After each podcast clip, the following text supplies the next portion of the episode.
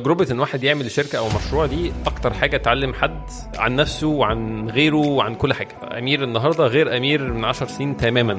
لعيبة ال NBA وأكبر لعيبة في العالم هو ما زال بيروح coach وعنده training لأن هم بيشوفوه من بره. أنت ساعات بتوصل لمرحله تكبر برضو بيبقى اللي حواليك كلهم بيسموهم yes man هم جايين لك وشايفينك أنت أجمد حاجة. فأنت محتاج حد يخرجك بره نفسك ويبص عليك كده من بره ويقول لك لا أنت ركز في دي حسن دي شوية. يعني بالنسبة لأي CEO في أي شركة يعني اتخاذ القرارات الصعبة. ده ده ده, ده, الأساسي. لو حد مش عارف ياخد قرارات صعبة ما ينفعش يبقى CEO وموضوع ال layoff إن واحد يقلل عمالة في, شركة من أصعب القرارات أي حد ممكن ياخدها. يعني في الآخر طالما أنت ارتضيت تبقى أنت CEO وأكبر حد في, الشركة دي لازم تاخد القرارات الصعبة. ومعايا صديقي رائد الأعمال partner في خوارزمي Ventures أمير شريف. ازيك يا أمير؟ ازيك يا أحمد؟ أهلا بيك في business بالعربي بودكاست أخيرا. الفيديو ده برعاية كاف بوكس كاف بوكس مش مجرد ملخصات أو course كاف بوكس system متكامل للتعلم من أجل التطبيق.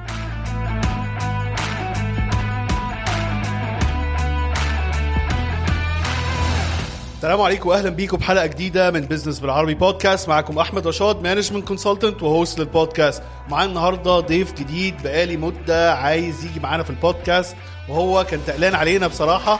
ولكن عرفنا إيه نقبض عليه ونجيبه معانا في البودكاست النهارده. ومعايا صديقي رائد الأعمال و partner في خوارزمي Ventures امير شريف. ازيك يا أمير؟ ازيك يا أحمد؟ أهلا بيك في business بالعربي بودكاست أخيرا.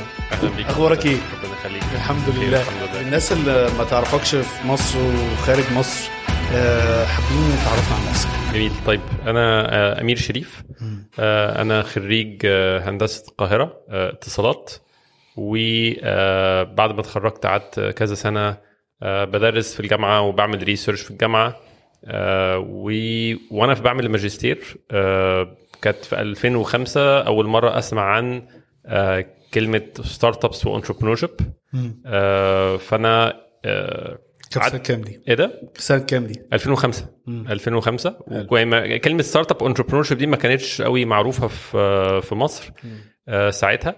فابتديت أ research عن الموضوع ولقيت مثلا لقيت عندهم list كده اللي هو إيه top 20 millionaires under 20 آه. آه، فإن الناس يبقى تحت 20 سنة وعاملين شركات وناجحين وكده 20 سنة فأنا بحس اللي هو إيه إحنا عندنا ده إحنا متأخرين قوي. فليه ما يبقاش في ناس عندنا بيعملوا فعلا شركات باستخدام technology آه، تكون مفيدة وتعمل impact كبير فمن ساعتها من 2005 ابتديت آه، أقعد أطلع بأفكار آه، وأقدم على مسابقات business plan competitions مع أصدقاء ليا كتير كل واحد بفكرة مختلفة في مسابقات مختلفة من ضمن الحاجات ال ال يعني أول حاجة كنت عملتها كنت أصلا الماجستير بتاعي في في الجامعة مع إنه قسم اتصالات بس عملت آه، ماجستير في آه، اللغة العربية حلو. آه عملت؟ آه، عملت آه، كان كان كان project بنحاول نحاكي الخطاط الخ- الخط العربي إزاي الخطاطين بيكتبوا. الخط العربي عارف زي ما القرآن كده أيوة. مكتوب ممكن ال- الكلمة تتمط وتد... يعني بيت- بيتعمل يعني كل سطر قد بعضه وال- والحروف آه، ممكن تتكتب بكذا طريقة والحروف تركب على بعضها. فما كانش فيه ولغاية النهارده أصلا ما فيش أي أي software يعني اي اي sort of بيحاكي الخطاط بيكتب عربي إزاي. صحيح. فقعدت سنتين بعمل آه، ماجستير في الحتة دي وطلعنا حاجات بتكتب عربي من الكمبيوتر زي الخطاط مش مجرد حروف تتحط boxes جنب بعض. يعني حتى أي حد يعمل search على جوجل أمير شريف Arabic typesetting هلاقي يعني two papers نشرتهم عن الموضوع ده في مجلات international ودي كانت أول حاجة كنت حاولت أعمل بيها شركة. وبعدين كذا مرة بأفكار مختلفة. لغاية ما يعني سبت ال ال الجامعة علشان آه، كنت محتاج اشتغل في شغل علشان كنت ساعتها محتاج اتجوز وال salary بتاع الجامعة ما كانش كافي. فأخدت أول شغلانة جت في قدامي قعدت كده اشتغلت في شركة سنه شركة software وفيها اتعرفت على شريكي أو اللي هو إيه جه قال لي أمير إحنا عايز أدخل أقدم في مسابقة نعمل business وعايزك معايا. وأنا كنت قدمت على حاجات كتيرة قبل كده وما نفعتش قوي. فقلت له لا أنا مش آه، يعني فقدت الأمل خلاص إن أنا أعمل business وكده. قال لي لا معلش محتاجين إيه؟ محتاج أكتب اسمك جنبي عشان لازم يعني minimum two اتنين يكونوا مقدمين في في المسابقة دي. بس قلت له ماشي يعني اكتبه. قال لي أنا قال لي أنا هعمل حاجات ليها علاقة بال بال recruitment والتوظيف. قلت له ماشي تمام جميل اكتب اسمي معاك. ودي طلعت الـ idea في الآخر اتقابلنا فيها ودخلت في الآخر معاه. ودي بقت الشركة اللي أنا عملتها معاه اسمها BasharSoft. BasharSoft. في 2009 كنا دخلنا آه، برنامج آه، حضانات اللي هو ال incubation في هيئة هيئة، آه، إتيدا. في 2009 وعملنا شركة اسمها BasharSoft اللي هي بعد كده عملنا بيها منها two platforms موقع وظف وموقع فرصنا اللي هم النهارده أكبر موقعين للتوظيف في مصر. موقع فرصنا ده آه، وظف بيستهدف خريجين التعليم العالي ال white collar ال platform بالإنجليزي وموقع فرصنا التعليم المتوسط والتعليم الفني وال platform بالعربي. دول الايه وقعدت فيهم بقى سنين طويلة يعني. أنت بديت فرصنا بعديها بشوية تقريبا. أنا ابتديت في الأول في الأول طلعنا بوظف آه في- يعني أغلب اللي يعرفوك يعرفوك من بالظبط. وظف أو يعرفوا بالظبط. منصة وظف إحنا عملنا وظف آه. و launched أول مرة وظف آه في 2011 آه. يناير 2011 قبل الثوره باسبوع آه. وبعدين بعد آه أربع سنين عملنا فرصنا انت فر... إحنا كاش ب... يعني بالنسبة لفرصنا إحنا كان معانا ال competitor بقى لفرصنا كان عمر خليفة آه. آه. بتاع شغلني. فحتى الحلقة يعني لو حابب حد يسمع برضو حاجة عن ال platforms والشغل والكده آه، ممكن تتابعوا برضو الحلقة بتاعت عمر. yes لا عمر حبيبي ويعني آه بنتعاون في حاجات كتيرة مع بعض. جميل جدا.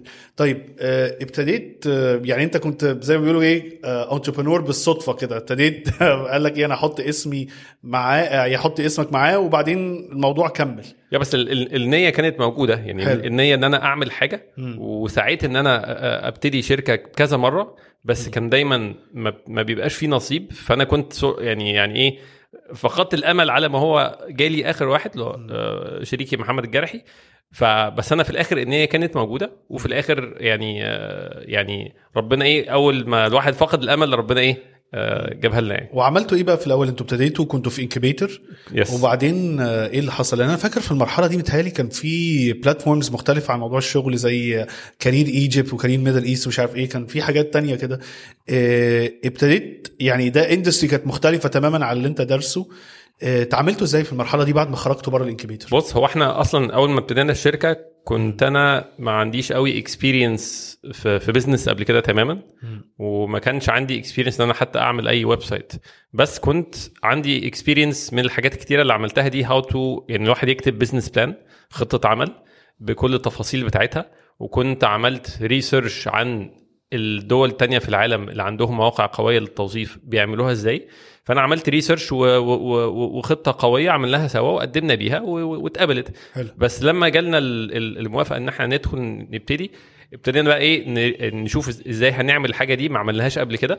فابتدينا نشوف نعين مين يعرف يساعدنا في الحاجات دي. عملنا res- research لأكبر آه، بحث على أكبر آه، 20 موقع توظيف في العالم. ودخلنا فيهم من ناحية ك ك كحد بيدور على شغل من ناحية شركة بت بت بتدور إن هي تع- تعين وتعلن على الوظائف بحيث إن إحنا نشوف ال- اللي بره بيعملوا إيه عشان نطلع بالايه بال version بتاعنا اللي إحنا نطلع بيه اللي هو وظف. طيب حلو قوي أنت بعد ما ابتديتوا ودخلتوا ال incubation خرجت من ال incubation دي هل فادتك المرحلة اللي أنت تخش في حضانة من حضانات ريادة الأعمال؟ هو أكيد في الحالة بتاعتنا ما ما غالبا ما كناش هنقدر نبتدي. آه علشان آه الموضوع اخذ مننا وقت وأخد مننا كان محتاج resources إن واحد يجيب team وي develop وياخد marketing والحاجات دي كلها. حلو. بس إحنا يعني قعدنا فترة بن research والكلام يعني فترة طويلة بن research على ما طلعنا بال product دي يعني خطأ دايما ناس كتير بيقعوا فيه إن هم يقعدوا يحاولوا ي perfect أو يخلوا المنتج بتاعهم يعني إيه يعني آه، كامل وما فيهوش أي غلطة. فدي موضوع طول مننا. وبالتالي لما عملنا launch كان في يناير 2011 حلو. طلعنا حصل ثورة آه، نت ومفيش شركات بتعين. قعدنا كذا شهر الدنيا مش شغالة تماما. فما لحقناش أصلا نكمل البرنامج ال- الحضانات بتاعنا. حلو. ف وقعدنا 2011 و2012 أغلبهم خلاص ال- البرنامج وقف وابتدينا نحاول ندور إيه الشغل اللي ممكن نعمله على جنب. شغل software development عادي علشان يبقى فيه كاش للشركة تعرف الشركة تعيش. حلو. فقعدنا كده 2011 2012 وكنا هنقفل كذا مرة ويعني لغاية ما إيه ما الدنيا يعني مشيت شوية معانا يعني. آه. طب كلمني على المرحلة دي أنت إحساسك إيه أنت بادي بزنس وكانت لسه حاجة برضو أنت مش مش يعني مش عارف تفاصيلها قوي والدنيا مش واضحة وبعدين جت الأحداث آه، بتاعت يناير والدنيا قفلت إيه اللي خلاك تكمل المرحلة دي. ليه أنا بسألك؟ لأن كتير من الناس بتعتقد إن أنا لازم الدنيا تبقى 100 100 وعندي كل المعلومات وعندي الانفستمنتس وعندي الفلوس والاقتصاد 100 100 والأوضاع مستقرة عشان أبتدي. بس اللي أنا بشوفه وناس كتير بتتكلم عنه إن هي عمرها ما بتكون كده. فأنت تعاملت نفسيا المرحلة دي زي لأن هي أكيد ما كانتش سهلة عليك. هي نفسيا ما كانتش سهلة خصوصا إن ساعتها في 2010 و11 كان لسه موضوع رياده الأعمال ده جديد ومش منتشر. فناس كتير كانوا بيقولوا لي اللي هو أو تخيلهم إن أنا ما لقيتش شغل فبحاول أعمل أي حاجة أي. مشروع عشان بالظبط عشان مش مش لاقي شغل. حلو. آه، ففي كان في ضغط من من الناحية دي وناس كتير صحابي وقرايبي حتى يقولوا لي يا أمير ما تش- ما تشوف شغل وأنا وأنا شغال يعني وأنا بعمل أنا بعمل شركة. دي دي رقم واحد. رقم اتنين موضوع لما حصل آه، الثوره والدنيا وقفت ومفيش شركات بتعين لكذا شهر كان ناس كتير اللي هو إيه يعني أنا بالنسبة لي اللي هو إيه نعمل إيه؟ أنا عندي ناس موظفين وعايزين ندفع لهم مرتبات. طبعا ساعتها كان ال team صغير ستة سبعة. فالموضوع ما كانش آه، سهل. آه، واضطرينا نحاول نتصرف بطرق مختلفة. ومن ضمن كمان الحاجات اللي كان عند- عندنا حتى حساب في في بنك ساعتها آه، والبنك دوت معروفه القصة دي يعني إن هو البنك في, في, في الفترة دي قرروا يعني استراتيجية global قالوا إحنا إيه مش أو يعني هنا في مصر إن إحنا مش هنشتغل مع الشركات الايه الاقل من حجم معين. فيوم من الأيام لقيت إيه مدينا شيك أدي بقية الفلوس اللي في حسابكم وخلاص كان أنتوا. حسابكم راح. فقعدنا حتى كمان فترة ما, ما عندناش حساب بنك. قعدنا قعدت ست شهور ما فيش حساب بنك هو البنك هو ال backpack. لما بن بن بنبيع آه، اشتراك لشركة باخد الفلوس وأحطها في الشنطة. آه، آخر الشهر بطلع المرتب من, من الشنطة. قعدت ست شهور. ده حاجة high tech خالص يعني. آه قمه قمة ال- قمة ال technology. آه. غير كده برضو في السنتين دول آه. إحنا نقلنا تقريبا المكتب بتاع الشركة خمس ست مرات بسبب إن إحنا معناش فلوس ندفع إيجار فبننقل كل مرة من حتة لحتة. يعني كنا رحنا الدقي رحنا يعني كنا في الأول ال incubation ده الحضانات في القرية كان الذكية. مكان في الشيراتون زمان؟ لا شيراتون لا. كنا في القرية الذكية. ونقلنا رحنا الم- المعادي وبعدين رجعنا الدقي وبعدين المعادي وكذا كذا تغيير. ومن ضمن الحاجات القصص ال- اللطيفة في ضمن أماكن اللي كنا في كنا في أبراج عثمان في في المعادي وكنا في مأجرين شقة كده في الدور ال 17 والأسانسير كان وضعه مش ألطف حاجة وفي يوم من الأيام الأسانسير وقف ولقينا إن إحنا محتاجين نطلع وننزل 17 دول دور على رجلنا ودي يعني عملناها يومين وبعدين اضطرينا ننقل فدي يعني قعدنا فترة طويلة بننقل المكاتب آه، معيش حساب بنك شايل كله في في الشنطة. آه، طبعا مرتبات مش كفاية فاضطريت مع ال team إن إحنا نشوف نقلل المرتبات نأجل المرتبات. كانت فترة صعبة جدا. وكنا خلاص يعني almost هن هنقفل. وأنا أصلا يعني يعني شريكي ساعتها كان عنده ثلاث أولاد ساعتها قرر اللي هو. يعني آه الموضوع كان صعب. خلاص قلنا خلاص الدنيا مش مش شغالة. فهو يعني إيه ما ما كملش وأنا كمان كنت أنا نفسي برضو مش هكمل ومفروض إيه نقفل ال- الشركة وكفاية على كده. ورحت حتى عملت interviews في شركات مختلفة ومنها شركات مثلا رحت مثلا interviewing في في ماكنسي في دبي وبتاع. هو عارف ناس كتير قوي بيعملوا شركات ولما الشركات ما بتنفعش بيبقوا رائد الأعمال بيبقى اللي هو إيه عايز يعني إيه يقول أنا هشتغل بقى في حاجة تدفع بقى مرتب آه، قوي آه، وبتاع بقى. بدل البهدلة الواحد اتبهدلها. أيوه أيوه وبس فرحت وفعلا عملت interviews خلاص بنقفل الشركة و- وبرضه ما اتقبلتش في, في آخر interview آه. وكان اللطيف إن في في ال في ال interview الأخير بتاع ماكنسي دوت في دبي الراجل ال partner كان بيقول لي إيه ده أنت بقى عامل startup والكلام ده كله؟ ده أنا عندي ناس كانوا شغالين هنا في معايا في ماكنسي وسابوا حد يسيب ماكنسي عشان يروحوا يعملوا startup وكان عمال إيه بيضحك يعني. أيوه طلع الاثنين صحابه دول ماجنس ومدثر اللي هم ال founders بتوع كريم.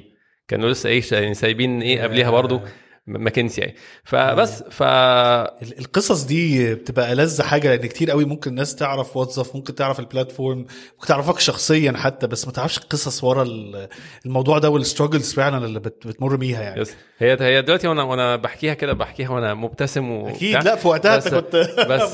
ساعتها أنا أصلا أنا أصلا آه، أنا أول ما ابتديت الشركة أول ما اتقابلنا في البرنامج الحضانات دوت كان في نفس اليوم ده آه، بنتي الكبيرة اتولدت. آه. في نفس اليوم. تمام؟ فأنا كنت يعني already إيه يعني متجوز وعندي ولاد من from day 1 وال challenges دي والتحديات دي برضو وجالي طفل تاني في 2012 ف وده وضع الشركة ومفيش فلوس كفاية وابتديت أستلف من الأصدقاء والأهل فده كمان pressure إضافي. فكان في ضغوط كتير قوية جدا بس أنا بالنسبة لي كان يعني حاسس إن يعني إيه مصر بلد فيها 100 مليون شخص آه، سوق عمل كبير وما كانش في أي مواقع كان في مواقع موجودة للتوظيف ساعتها بس مش منتشرة مش قوية جدا يعني استخدام عليها قليل وال traffic عليها قليل. فأنا كنت حاسس اللي هو إيه في فرصة. كنت بشوف المواقع اللي في الدول التانية لا يعني في يعني لازم يبقى مصر ليها سوق عمل كبير أونلاين موقع أي حد يدور فيه على شغل. بس, بس فده أكيد ال- يعني في في المرحلة دي عارف ساعات كده الواحد بيصعب عليه نفسه يعني عارف اللي إيه أنا عملت ال master's ومفروض أبقى واخد فلوس ومش عارف إيه. أنت عندك ضغط من أكتر من حتة يعني في أهل وأصدقاء يا عم دور على شغلانة تلاقيه بيتسلى بس لغاية ما يلاقي شغلانة. بعدين في طفل في baby تاني وال partner معاك في babies ولسه والأحداث وكده. إيه، أنا متأكد إن أنت في وسط الموضوع ده ما كنتش بتتكلم عليها بالأريحية اللي أنا بتكلم فيها دلوقتي يعني. أكيد. أنا بس يعني, يعني- في ناس برضو بتبقى ممكن تسمعك كده بتفتكر إن دي طريقة الكلام. لو أنا كلمتك في 2012 أك- أكيد الموضوع مختلف تماما يعني. yes. طب عرفت يعني إيه اللي خلاك تكمل؟ لأن أنت كنت ممكن تاخد ال position ده وما يبقاش في حاجة اسمها وظف وبشر سوفت والكلام ده كله. تاني أنا ال- اللي خلاني أكمل هو آه، الضغوط اللي هو أنا خلاص بقالي كده سنتين ونص. الناس كلهم شايفين إن أنا آه، يعني فاشل ومش مش لاقي شغلانة وده ده على ناحية. وسالف فلوس من من آه، أهلي وأصدقاء وكده من ناحية. بس أنا في الآخر اللي هو إيه حاسس لأ أنا هو الوقت ده كله وأنا شايف إن في بلاتفورمز في كل العالم في كل دولة فيها مواقع بتبقى ناجحة جدا. فأنا عارف إن أنا مش بعمل حاجة ممكن في الآخر تطلع السوق مش محتاجها. لأ هو السوق محتاجها. بس إحنا آه، آه، اتأخرنا. وطلعنا في وقت مش أحسن وقت فأنا أنا عارف إن في تحديات وعارف إن الحاجات دي هتاخد وقت زيادة. بس أنا كان دايما عندي أمل إن هنعرف نوصل. بس تاني زي ما أنا في الأول كنت فقدت الأمل وربنا آه، سبب إن في الآخر تجي لي الفرصة إن أنا أبتدي في وقت ما كنتش متوقعه.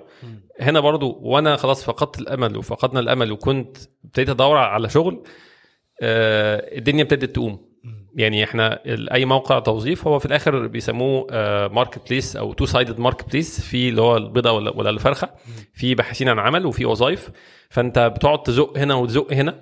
دول الباحثين عن عمل عايزين وظائف كتير والشركات محتاجين باحثين عن عمل موجودين على الموقع. فقعدنا نزق. فتصادف ان إحنا على آخر 2012 وصلنا للحاجة اللي هي فعلا الموقع ابتدى يشتغل. حلو. وابتدى يجيب revenue أو دخل من subscriptions الشركات تدفعها عشان تجيب إعلانات.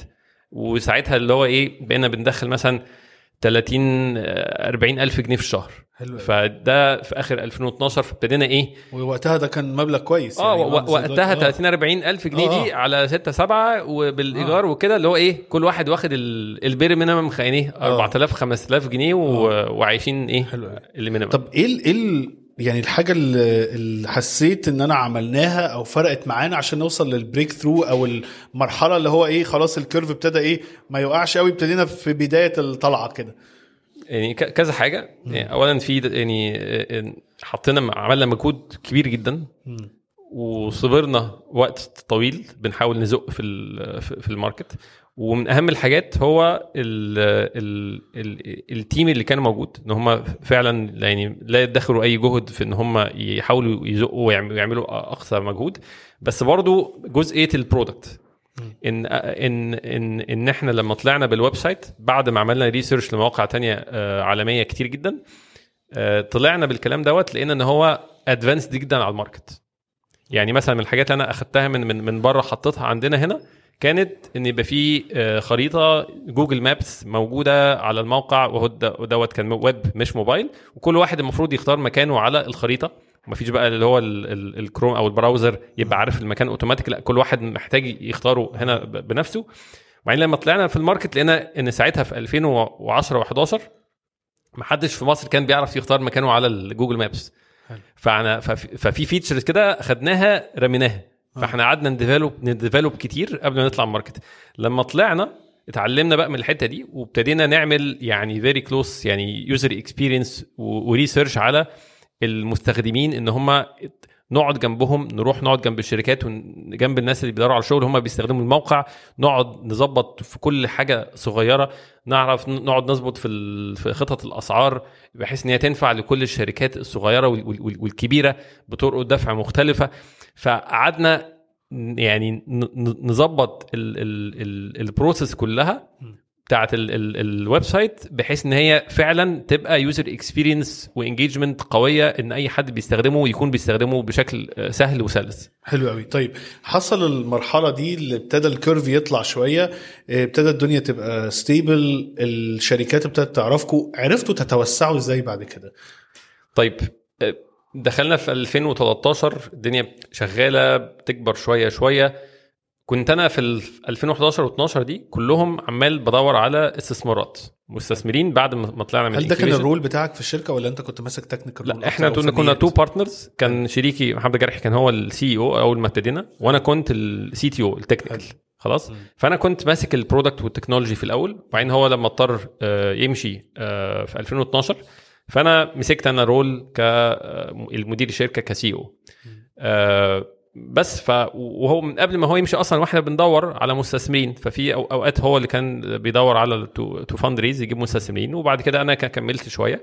قعدنا سنتين بندور. كان مصر لسه ما كانش فيها venture capital أو مستثمرين في, في خالص كان-. بدري قوي. آه. وال آه، أو كان في بس قليلين جدا و- والوضع في مصر كان يعني مش مستقر. كان في 2013 2014 لسه يعني إيه Flat 6 Labs الناس بتعرف يعني إيه incubator yes يعني ف- أنا فاكر المرحلة دي يعني أنا جيت مصر في 2013 كانت لسه الناس بتعرف يعني إيه ecosystem أصلا. ف... ف... فدي حاجة. وكان في مستثمرين برضو في ال- في الخليج وفي ال region كنا بنتكلم معاهم. وبالنسبة لهم كان مصر الدنيا عندكم مش مستقرة بعد الثورة لا مش هن... مش هنحط فلوس. وكلمت مستثمرين من بره وكل حاجة والدنيا مش نافعة. آه وبعدين يعني شاءت الظروف في الآخر إن كان في آه حد أعرفه اللي هو Con O'Donnell اللي هو مؤسس آه، موقع آه، في الجول وعمل شركة اسمها سرمادي وباعها فودافون. كنت بروح له ك advisor كده بسأله عن حاجات آه، لقيته قال لي إيه بص ده في جروب رايحين تبع Flat 6 Labs just mentioned Flat 6 رايحين في الأردن ي pitch investors جايين من أمريكا روح معاهم وإيه pitch الشركة آه، قدمها فأنا برضو كنت فاقد الأمل تماما. خلاص أنا مش عايز fundraise تاني أنا تعبت. يعني ممكن أكون كلمت فوق ال 100 investor يا إما ناس يقولوا لي آه، مش مش هينفع ما عندكمش experience وأنا برضو أنا من النوع اللي هو يعني background engineering و technical فبرضه مش أحسن حد بيعبر عن الحاجة أو بيبيع الحاجة. بس ففي الآخر الراجل يعني إيه آه، تكرم إن هو قال لي بص أنا هدفع لك التذكرة. تروح الأردن في عمان. event one day انت هتروح وترجع في نفس اليوم انت حتى مش محتاج آه، يعني إيه تقعد في أوتيل. تمام؟ ف ورايح مع جروب بتاع Flat 6 فقلت له ماشي. يعني ففي الآخر يعني رحت ال... ال... السفرية دي وهناك لقيت investors فعلا من جاي من أمريكا. آه، طلع إن دول fund اسمهم 500 Startups كانوا لسه مش معروفين في مصر. كنت أنا قدمت برضو فيهم زمان آه، وبرضو اترفضت هم في أمريكا. فلقيتهم موجودين و... وقدمت معاهم. وقعدت أقول لهم يا جماعة طب ما ت invest في شركة في مصر. وعمرهم ما invest وا قبل كده في مصر وتقريبا في ال region فقعدوا يقولوا لأ و risk ما نعرفش مصر. قعدت يعني أتحايل عليهم لغاية ما في الآخر الناس وافقوا. وكنا أول شركة تبقى accepted في ال program accelerator program بتاعهم في سان فرانسيسكو في يناير 2014 حلو. تمام؟ بس ودخل معايا Con وكان في برضه طارق فهيم برضه اللي هو عمل بعد كده Endure دخل برضه معايا ك angel investor فبقى معايا angel investors وبقى معايا global accelerator وسافرنا آه، أربع شهور في أمريكا. بس هما كانوا مش معاك في في بشرسوفت هما كان ليهم الشركات بتاعتهم صح؟ ولا هما آه لا لا بيكونوا- هم joined ك angel investors يعني آه، لما آه، آه. 500 جم آه. investor international طبعا في تفاصيل آه، أخرى ما إيه فوتها يعني إيه تحديات أطول في في في الق- في القصة ديت. يعني إحنا كان كان كان غير الفلوس اللي أنا سالفها كان علينا شيكات من مستثمرين آخرين والدنيا لخبطت وكان معانا ال domain حتى بتاع وظف اللي هو وظف آه، آه، هتلاقيه النهارده وظف dot net مش dot أيوة. com. عشان كان عندنا dot com وبعد كده ما بقاش معانا dot com واضطرينا ننقل. كان إيه عندنا حوارات طويلة. بس في الآخر يعني لما عرفنا نجيب ال investors دول عرفنا نظبط يعني حاجات كتيرة جدا في أساسيات ال- ال- الشركة بحيث إن إحنا نعرف آه، نكمل بعد كده. طب وعرفت تقنع ال investors دول إزاي؟ يعني أنت أنت قلت نفس الحاجة مفيش stability ما يعرفش ال market المصري. آه أنت كنت شخصية technical يعني أنت كنت بتا... ومرة واحدة بقيت مدير و CEO ف role مختلف و skills مختلفة وأنت لازم يعني تجيب فلوس وتطور من نفسك وتكبر الفريق وتتأكد إن في فلوس داخلة عشان تدفع مرتبات. عرفت تعمل ده إزاي؟ بص هو آه، تاني أنا أنا مقتنع إن كل واحد عنده strengths ونقاط قوة مختلفة. صحيح. فأنا مش أقوى حاجة عندي ال sales والمبيعات وإن أنا أبيع الفكرة بتاعتي. آه بس آه لما بحط حاجة في دماغي بنفذ. تمام؟ فأنا execution. فإحنا كنا كل الفترة اللي وأنا بحاول أبيع حاجة وإحنا لسه ما جبناش نتائج مش عارف أبيع. لما وصلنا مرحلة إن لأ ده الدنيا ابتدت تجيب وال- وال- والشغل اللي حطيناه فعلا ابتدى يجيب نتائج بعد صبر طويل فبقى في growth وبقى في revenue وال revenue ابتدى يطلع وبيكفي وبنعمل marketing وكل دوت يعني إيه bootstrapped بعد الفترة الأولانية بقينا bootstrapped سنتين ثلاثة فلما قابلت ال investors دول وبوريهم month over month growth بنكبر شهر بعد شهر و year over year وتقريبا كنا ساعتها مثلا 2014 دي عاملين ثلاث أضعاف السنة اللي قبلها. فالناس اللي هو ال ال فال pitch بتاعتي إن أنا إيه بصوا يا جماعة إحنا كان عندنا ثورة. ومع الثورة ديت وأنا شغال في ال employment بصوا إحنا عرفنا نوصل ل profitability ونكبر بالش- بالشكل الفلاني وإحنا عندنا إيه طالعين من ثورة. فدي بالنسبة لهم هم ك investors شافوا إن دي شكل of resilience أو مثابرة إن دول ناس إيه يعني دماغهم ناشفة ومش هيسيبوا الموضوع إلا لما ينجحوا. فدي كانت أكتر حاجة آه، باعت آه، بس ف ف وكملت وابتديت ورحت الرحلة بقى لسان فرانسيسكو. إيه اللي حصل هناك؟ آه، سان فرانسيسكو آه، برضه إحنا عشان إيه عشان نسافر يعني أغلب ال ال ال الشركات لما بيحتاجوا مستثمرين أجانب بيحتاجوا غالبا إن هم يأسسوا بره مصر. ليه؟ علشان آه، ال- المستثمرين دول متعودين يقول لك إيه أسس شركة في ديلاوير أو في هولندا أو BVI أو كيمان في أماكن مختلفة كده الناس بيأسسوا فيها. ليه؟ عشان المستثمرين متعودين عليها. فإحنا في في ال case بتاعتنا اللي هو جم قالوا لنا أنتوا مؤسسين في مصر محتاجين تأسسوا في حاجة من دول. فإحنا التأسيس ده بياخد وقت وفلوس عشان نعمله. فما كانش آه، معانا. ف- فانا حتى اضطريت يعني اخد آه، من Con وطارق اللي هم ال angel investors الفلوس بتاعتهم عشان نعرف نسافر أمريكا عشان من غير كده مش هعرف أسافر آه، أمريكا أنا وال- وكنت رايح مع أحد ال- الشركاء اللي معانا. فإن إحنا نروح أمريكا التك... سان فرانسيسكو من أغلى المدن في أمريكا. فروحنا قعدنا البرنامج كله آه وإحنا لسه ما أخدناش ال funding فبنصرف من الفلوس ال- ال- اللي معانا. وحتى في فترة قعدنا يعني عشان نوفر أجرنا أوضة في بيت عيلة باكستانيين بره سان فرانسيسكو آه أوضة تحت آه في ال sort of يعني إيه البدروم بتاعهم. آه اللي هي وجايب ال basement يعني. آه basement وما فيهاش حتى جبنا مرتبة اللي هي air mattress اللي هي بتتنفخ هواء أيوه أيوه. ودي اللي كنا نمنا عليها أربع شهور. تمام؟ كنت أنا مش. مش سهلة يعني ناس كتيرة بتعتقد إن الموضوع يعني أنا أنا بحب أركز على الحتت دي قوي لأن كتير قوي من اللي بيتكلموا في ال entrepreneurships اليومين دول بيتكلم بقى بين badges وهنتصور وال selfies و influencing والحاجات دي والموضوع آه، يعني بيبقى مختلف تماما في الحقيقة يعني بس لا فالموضوع آه. آه. صعب وبهدلة إحنا أصلا الفلوس بتاعت 500 Startups ديت آه كاستثمار كان ساعتها مثلا 50000 دولار آه. دي أخدناها بعد ما خلصنا البرنامج على ما أسسنا بره والشركة اللي بره بتشتري الشركة اللي في مصر والحاجات دي كلها. فيعني بس إيه تقريبا الفلوس اللي أخدناها قبل 500 يعني خلصناها على على. الرحلة دي أصلا. آه. بس البرنامج كان مفيد جدا إن الواحد يعني ي- يشوف بقى Silicon Valley اللي بيطلع منها كل الشركات Google و Amazon و Facebook طب إيه والحاجات دي. الحاجات أكتر حاجات اتعلمتها في ال program ده؟ آه، اتعلمت حاجات كتيرة. آه، بس من ضمنها إن رواد الأعمال في مصر زي رواد أعمال من كل حتة تانية في العالم. كل الناس بيبقى عندهم تحديات وغالبا التحديات دي بتبقى شبه بعض جدا. طبعا في بلاد ممكن يبقى عندها تحديات أكتر أنا أنا بخ- بعتقد إن هنا في مصر التحديات إن حد يعمل startup أصعب من من أماكن تانية. بس غير كده نفس التحديات إن واحد آه، يكون بيعين موظفين ومعهوش مرتب مرتبات كفاية في الأول يعين موظفين وحد مشي وحد جه. و competition ومش عارف ي fundraise نفس ال... في حاجات كتيرة جدا شبه بعض. بس الحاجة التانية اللي أخدت بالي منها إن في ال في ال ecosystems ال mature آه، متطورة زي في Silicon Valley آه Silicon Valley دي برضو إيه يعني مش مدينة هي من أول سان فرانسيسكو ومدن تانية كتير تحتيها كلها يعتبر تعتبر Silicon Valley. في كمية ناس آه عملوا نجاحات وفشلوا في, في إنشاء شركات. الناس آه كتير جدا لقيتهم اللي هو إيه بيساعدوا بعض ب عادي من, غير ما حد يطلب من حد مقابل هم بيساعدوا بعض. ففي culture of collaboration كانت ساعتها في مصر آه، ناقصة. دي حاجة ابتدت مؤخرا في مصر تتحسن إن الناس فعلا ابتدوا يبقوا بي بي بي share عن زمان ما كانش في ناس كفاية في في ال market عندهم experience في الشركات الناشئة ف...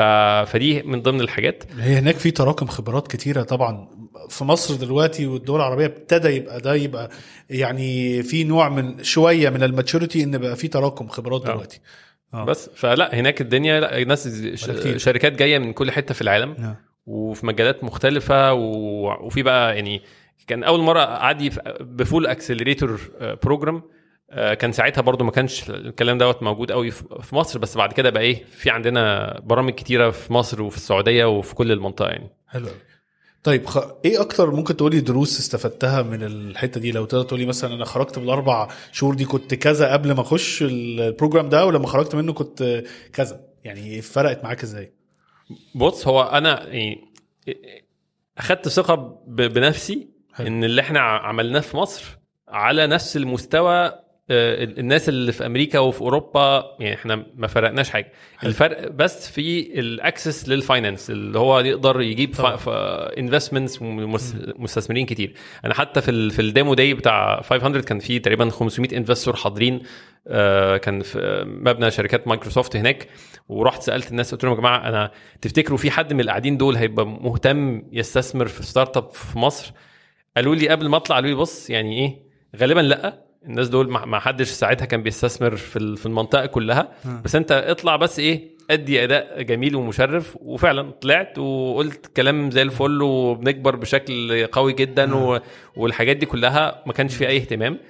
اضطريت أعدي بعدها على آه ناس كتير بقى أشوف مين العرب والمصريين موجودين في Silicon Valley. آه واحد واحد أحاول أشوف مين ممكن يبقى يعني يحط استثمار معانا.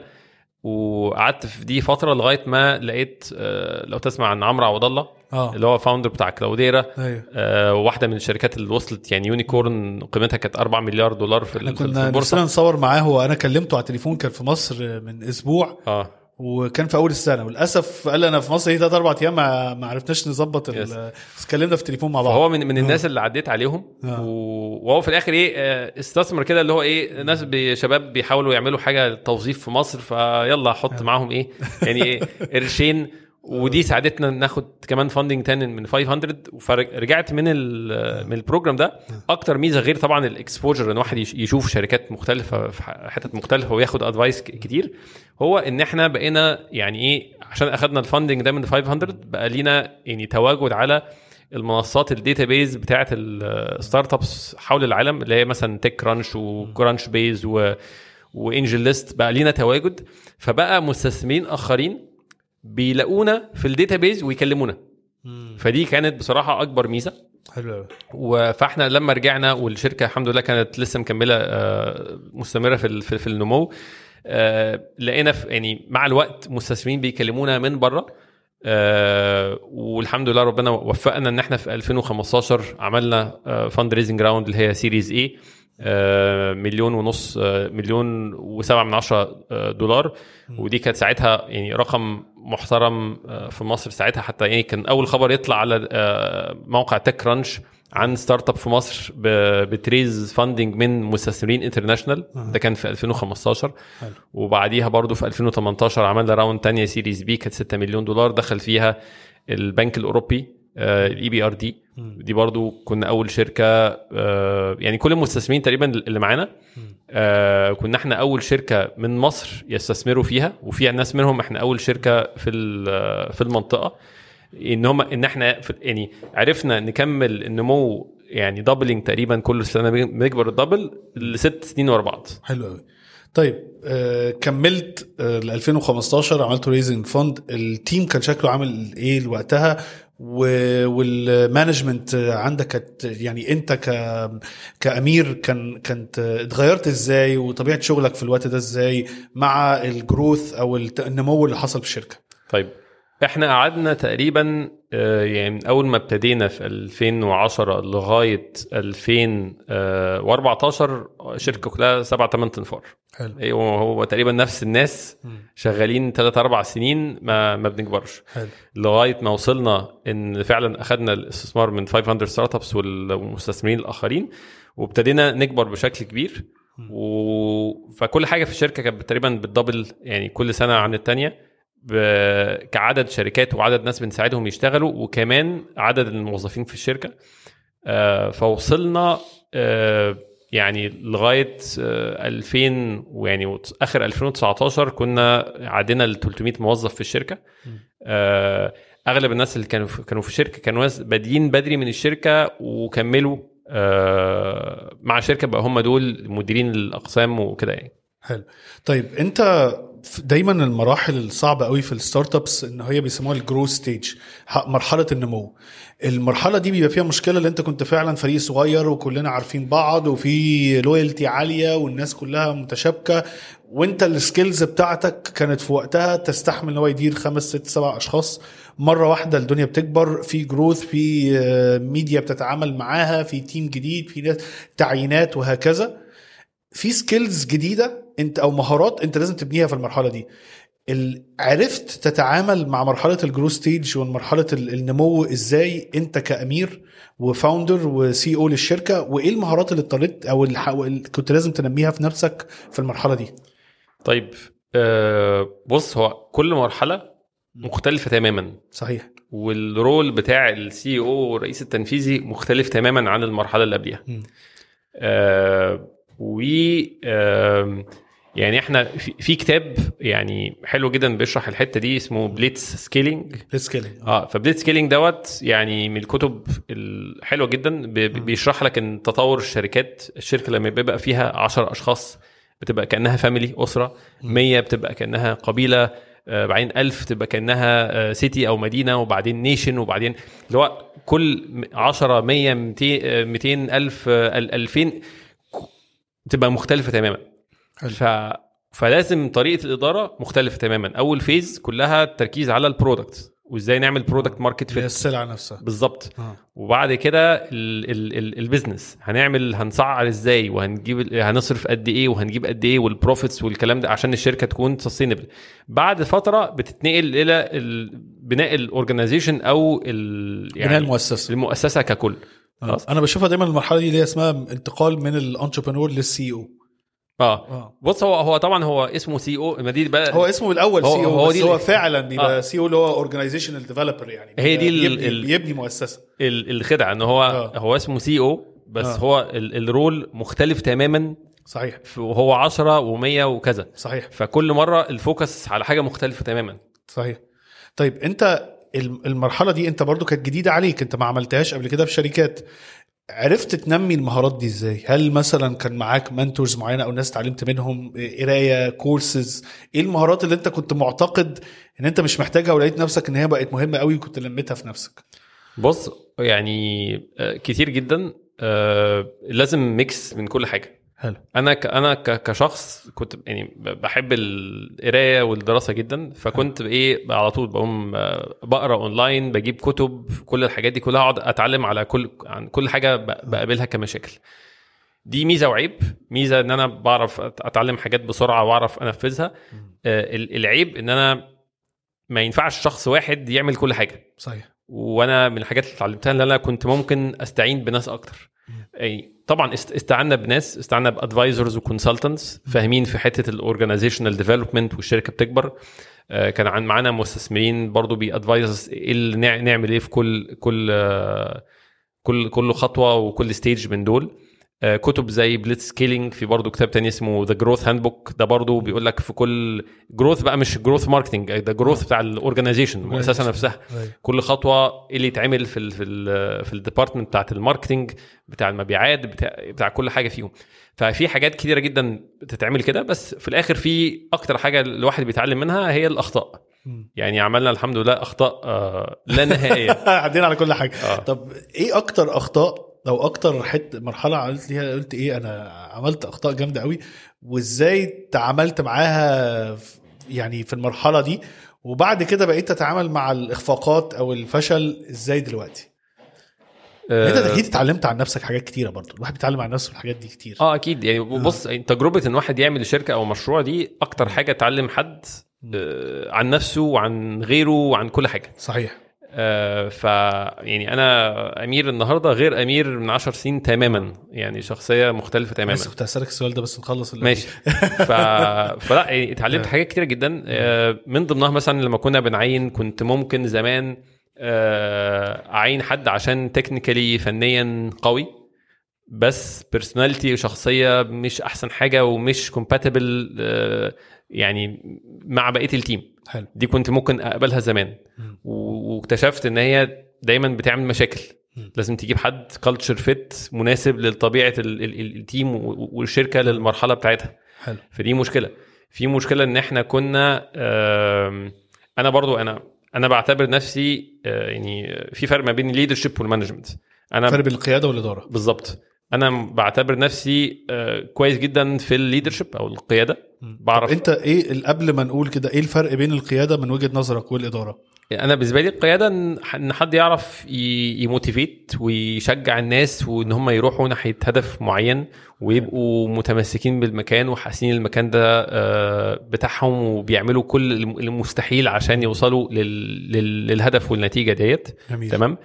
ال management إن أنا لأ أنا بدير يعني process منظمة آه، فريق بعمل لهم process وبتابع معاهم وبعمل لهم coaching وبعمل لهم development وعندي performance وبقعد أراجع على كل حاجة.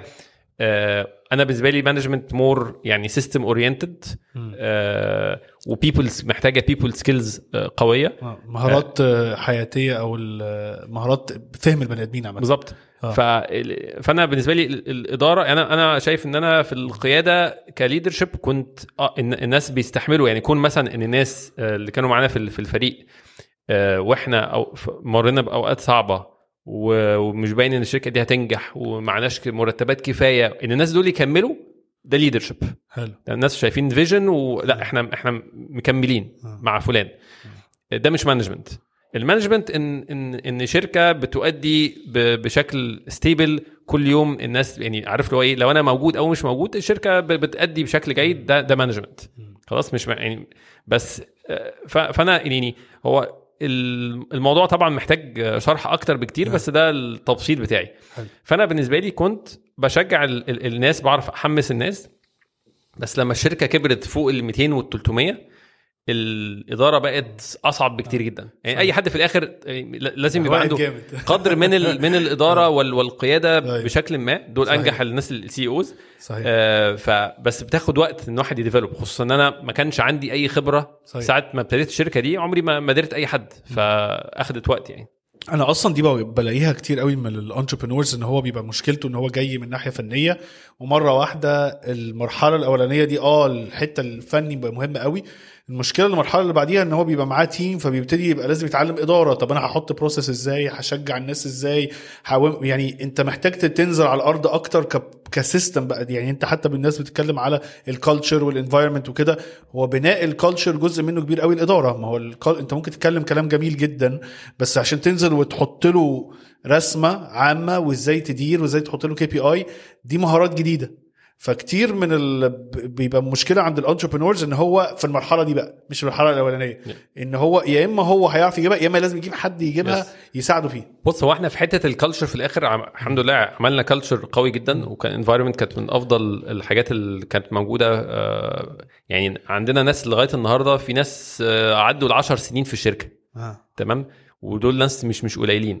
بس أنا عشان أعمل كده فعلا اضطريت أستع... أستعين بناس تانيين معانا في ال- في التيم بي complement أو بيكملوا ال weakness اللي عندي صحيح. فناس أحسن أقوى في ال في ال في, في ال people skills وفي ال management فهم يكملوا الحتت ديت عشان إحنا كشركة نكون نقدر ننجح يعني. خدت منك أكيد كتير من ال self-awareness يعني اللي أنت تبقى فاهم نفسك عشان تعرف تقول أنا. ضعيف في إيه وقوي في إيه. أكيد. حلو.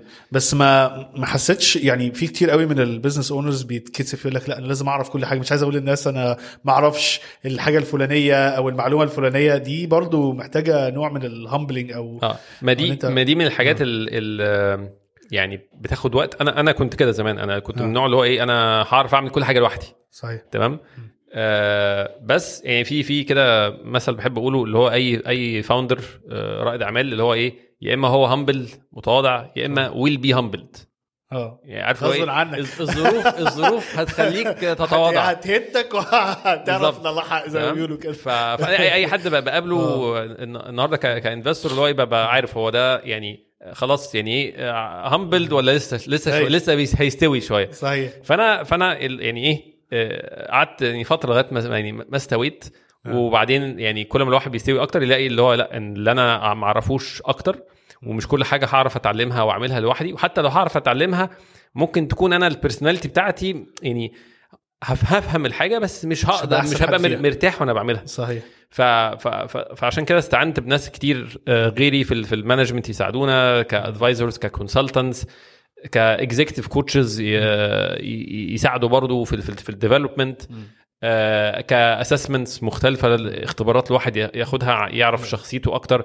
فكل دي حاجات الواحد بيتعلم بيها على الوقت. آه، ودي حاجة كويسة على فكرة لأن أنا بواجه كتير يعني أنا أنا شغلي في ال consultant وال executive coaching بلاقي كتير من ال entrepreneurs أو رواد الأعمال بيبقى بيعمل الموضوع ده على استحياء أو إن هو يصرف يقول لك لأ مصرف في الحاجة الفنية أكتر مع إن هو بيبقى في مرحلة هو فعلا محتاج ال executive coaching محتاج حد أدار قبل كده محتاج كذا. آه، ولكن أنا ما زلت يعني بره آه، متقبلين الموضوع ده جدا. بس في مصر ما زال لسه الموضوع ده مش آه، كتير entrepreneurs مش آه، مش بيتقبلوه عامة. ما دي بتيجي برضو مع ال maturity مش بس بتاعة ال founder بتاعة ال ecosystem ككل. نضج الايموس يعني بالظبط.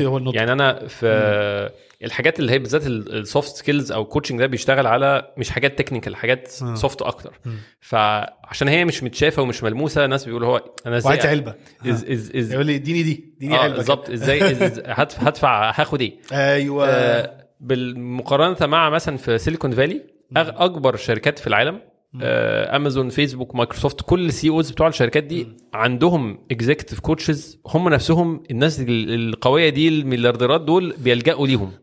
يعني صحيح. فدي يعني بقت تقريبا ال- الطبيعي إن أي شركة بره بيبقى ليه أي CEO ليه executive coach فكرة ال executive coach هو مش investor مش board مش موظف. أنا أنا ك CEO آه، ساعات بيتقال إن دي أكتر شغلانة lonely في الشركة. لو أنا أكلم ما يبقى عندي مشاكل أكلم مين؟ مش هقعد أكلم اللي أقعد أفضفض مش هفضفض مع الناس اللي تحتي مش هفضفض مع ال board أو ال investors ممكن طبعا لو علاقة كويسة ممكن أفضفض بس ب level معين.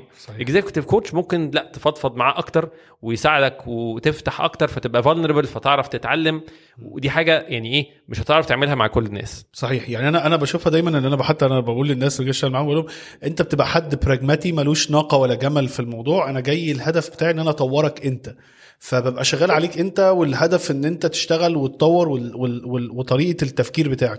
أنا بشوفها أنت بتوصل لمرحلة برضو في الإدارة أو ال leadership أنت عارف الأساس عندك طريقة تفكيرك وال- وال mindset وبتفكر إزاي هي ال asset أو هي ال- ال- القيمة الحقيقة ليك يعني كشخص في الإدارة. لأن أنت بتوصل مع الوقت إحنا ال tools الفنية خلاص يعني الناس دلوقتي عارفة ChatGPT والحاجات.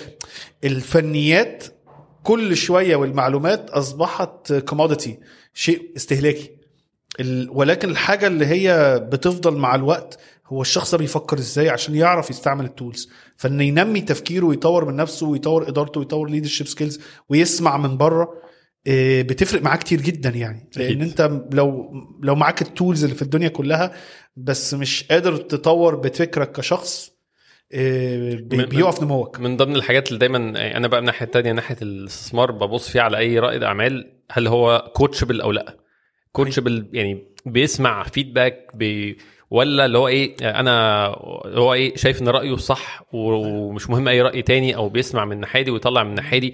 فمن أهم الحاجات حد coachable اللي هو مش مش بقول إن هو هيسمع كل كلمة هيعملها آه. بس بيسمع وبياخد قراره بس في الآخر بيسمع وبيفكر وبيسال كذا واحد وممكن ممكن يغير رأيه. بس في أغلب الحالات هو برضو كأي حد أصلا عشان ينجح محتاج يبقى يعني determined أو إيه يعني مصر على بس منفتح إن هو يسمع على الأفكار يعني. بالظبط. يعني لعيبة ال NBA وأكبر لعيبة في العالم محترفين مثلا في الرياضة هو ما زال بيروح coach وعنده training و... يعني كوبي براين كان عنده مدربين لغاية آخر وقت. هو الراجل آه، يعني قبل ما يموت بقى يتوفى كان آه، كان اول star اللي بقاله سنين. يعني هو مش بح... مايكل جوردن لغاية آخر وقت كان عنده coaches وعنده مدربين لأن هم بيشوفوه من بره. أنت ساعات بتوصل لمرحلة كان حتى كان آه، كان واحد يعني كان mentor ليا. قال لي أنت بتوصل لمرحلة بتكبر برضو بيبقى اللي حواليك كلهم بيسموهم yes man هم جايين لك وشايفينك أنت أجمد حاجة. فأنت محتاج حد يخرجك بره نفسك ويبص عليك كده من بره ويقول لك لا انت ركز في دي حسن دي شوية. طب انت رد على نفسك إزاي؟ لأن انت في مرحلة بتبقى كل اللي حواليك شايفاك انت ال leader وشايفاك ان انت لازم تقول لهم تعملوا إيه. ف... فانت محتاج ال- الحتة دي. فعلا الحتة دي اللي هو ان إن واحد يبقى في شركة وكل اللي حواليه yes man دي فعلا حاجة مش كويسة جدا. غير ال coaching ان ان إن واحد يبقى معاه في الشركة ناس في ال team معاه يقولوا له كده. عادة الناس بيستسهلوا لما يلاقي حد بي بي بي بي هو شايفها بيقاوح معاه أو حاجة. لا أنا عايز ناس إيه بينفذوا على طول. غالبا لو واحد جاب كل الناس اللي حواليه بيسمعوا الكلام وخلاص غالبا نهاية الشركة مش هتبقى أحسن حاجة. كل ما يبقى فيه يعني بنسميه healthy tension يعني صراع كده في الآراء آراء مختلفة ونعرف نتكلم مع بعض كل ما النتيجة بتبقى أفضل كفريق. صحيح. طيب أنت وصلت للمرحلة دلوقتي آه، أنت كنت في يعني في 2017 الدنيا كبرت وبقى في team كبير. من 2017 لدلوقتي إيه حصل إيه في وظف؟ أنا عارف فرصنا ابتدت بعديها. إيه اللي خلاك تبتدي فرصنا؟ إيه أنت في وقت من الأوقات step down أو أنت يعني سبت ال position بتاع ال CEO بقيت في ال board. إيه اللي خلاك تاخد القرار ده؟ وفين وظف أو بشر soft الآن؟ طيب آه، فرصنا عملناها علشان آه، كنا بادئين الأول بوظف. آه، إحنا خريجين جامعات تعليم عالي ال CVs بتاعتنا بنكتبها بالإنجليزي فعملنا وظف لل- لل- للفئة دي وفاكرين إن هو ده كده ده سوق العمل كله هو الناس شبهنا. وبعدين مع الوقت لقينا في شركات بيطلبوا آه، فنيين سواقين آه، عمال إنتاج. لقينا الوظائف الناس دول مش موجودين عندنا على ال database الموقع كله بالإنجليزي. فمن هنا جت حتة فرصنا اللي هو يا جماعة ده سوق العمل في مصر أكبر من كده بكتير 30 مليون شخص. الناس اللي تعليمهم كويس أو إنجليزي ويعرفوا يعملوا CVs بالإنجليزي لا يتعدى 6 7 مليون والباقي كله مش كده. فلقينا لا ده في سوق كبير برانا. محتاجين نتوسع فيه. عشان كده عملنا فرصنا في 2015 ودلوقتي بوظفوا فرصنا الاثنين أي يعني بوزيشن أو فرصة عمل هتبقى موجودة هنا أو موجودة هنا. فدي دي فرصنا. وفرصنا طبعا يعني هو يبدو نفس البلاتفورم آه، بس في اختلافات كتيرة علشان فئة مختلفة وظائف مخ- مختلفة. ال access بتاعهم أكتر مثلا من على الموبايل. فيعني فيها في اختلافات كبيرة. فدي كانت فرصنا. آه، فقعدنا 2018 بعد ال investment round الثانية 2018 و19 بنكبر بشكل كبير وجينا في 2019 عملنا يعني campaigns كتيرة outdoor في الشوارع وظفوا فرصنا وإعلانات فعملنا يعني investments كبيرة جدا في 2019 تعرف وجابت- وجابت-. وجابت نتائج قوية جدا وعينا ناس كتير جدا زيادة في الشركة عشان النمو اللي كان موجود دوت وبعدين وكنا برضو بن بن raise round investment تانية جديدة ك- كبيرة عشان نتوسع لدول مختلفة. ويعني احجام كبيرة جدا. شغالين دلوقتي في في أي دول؟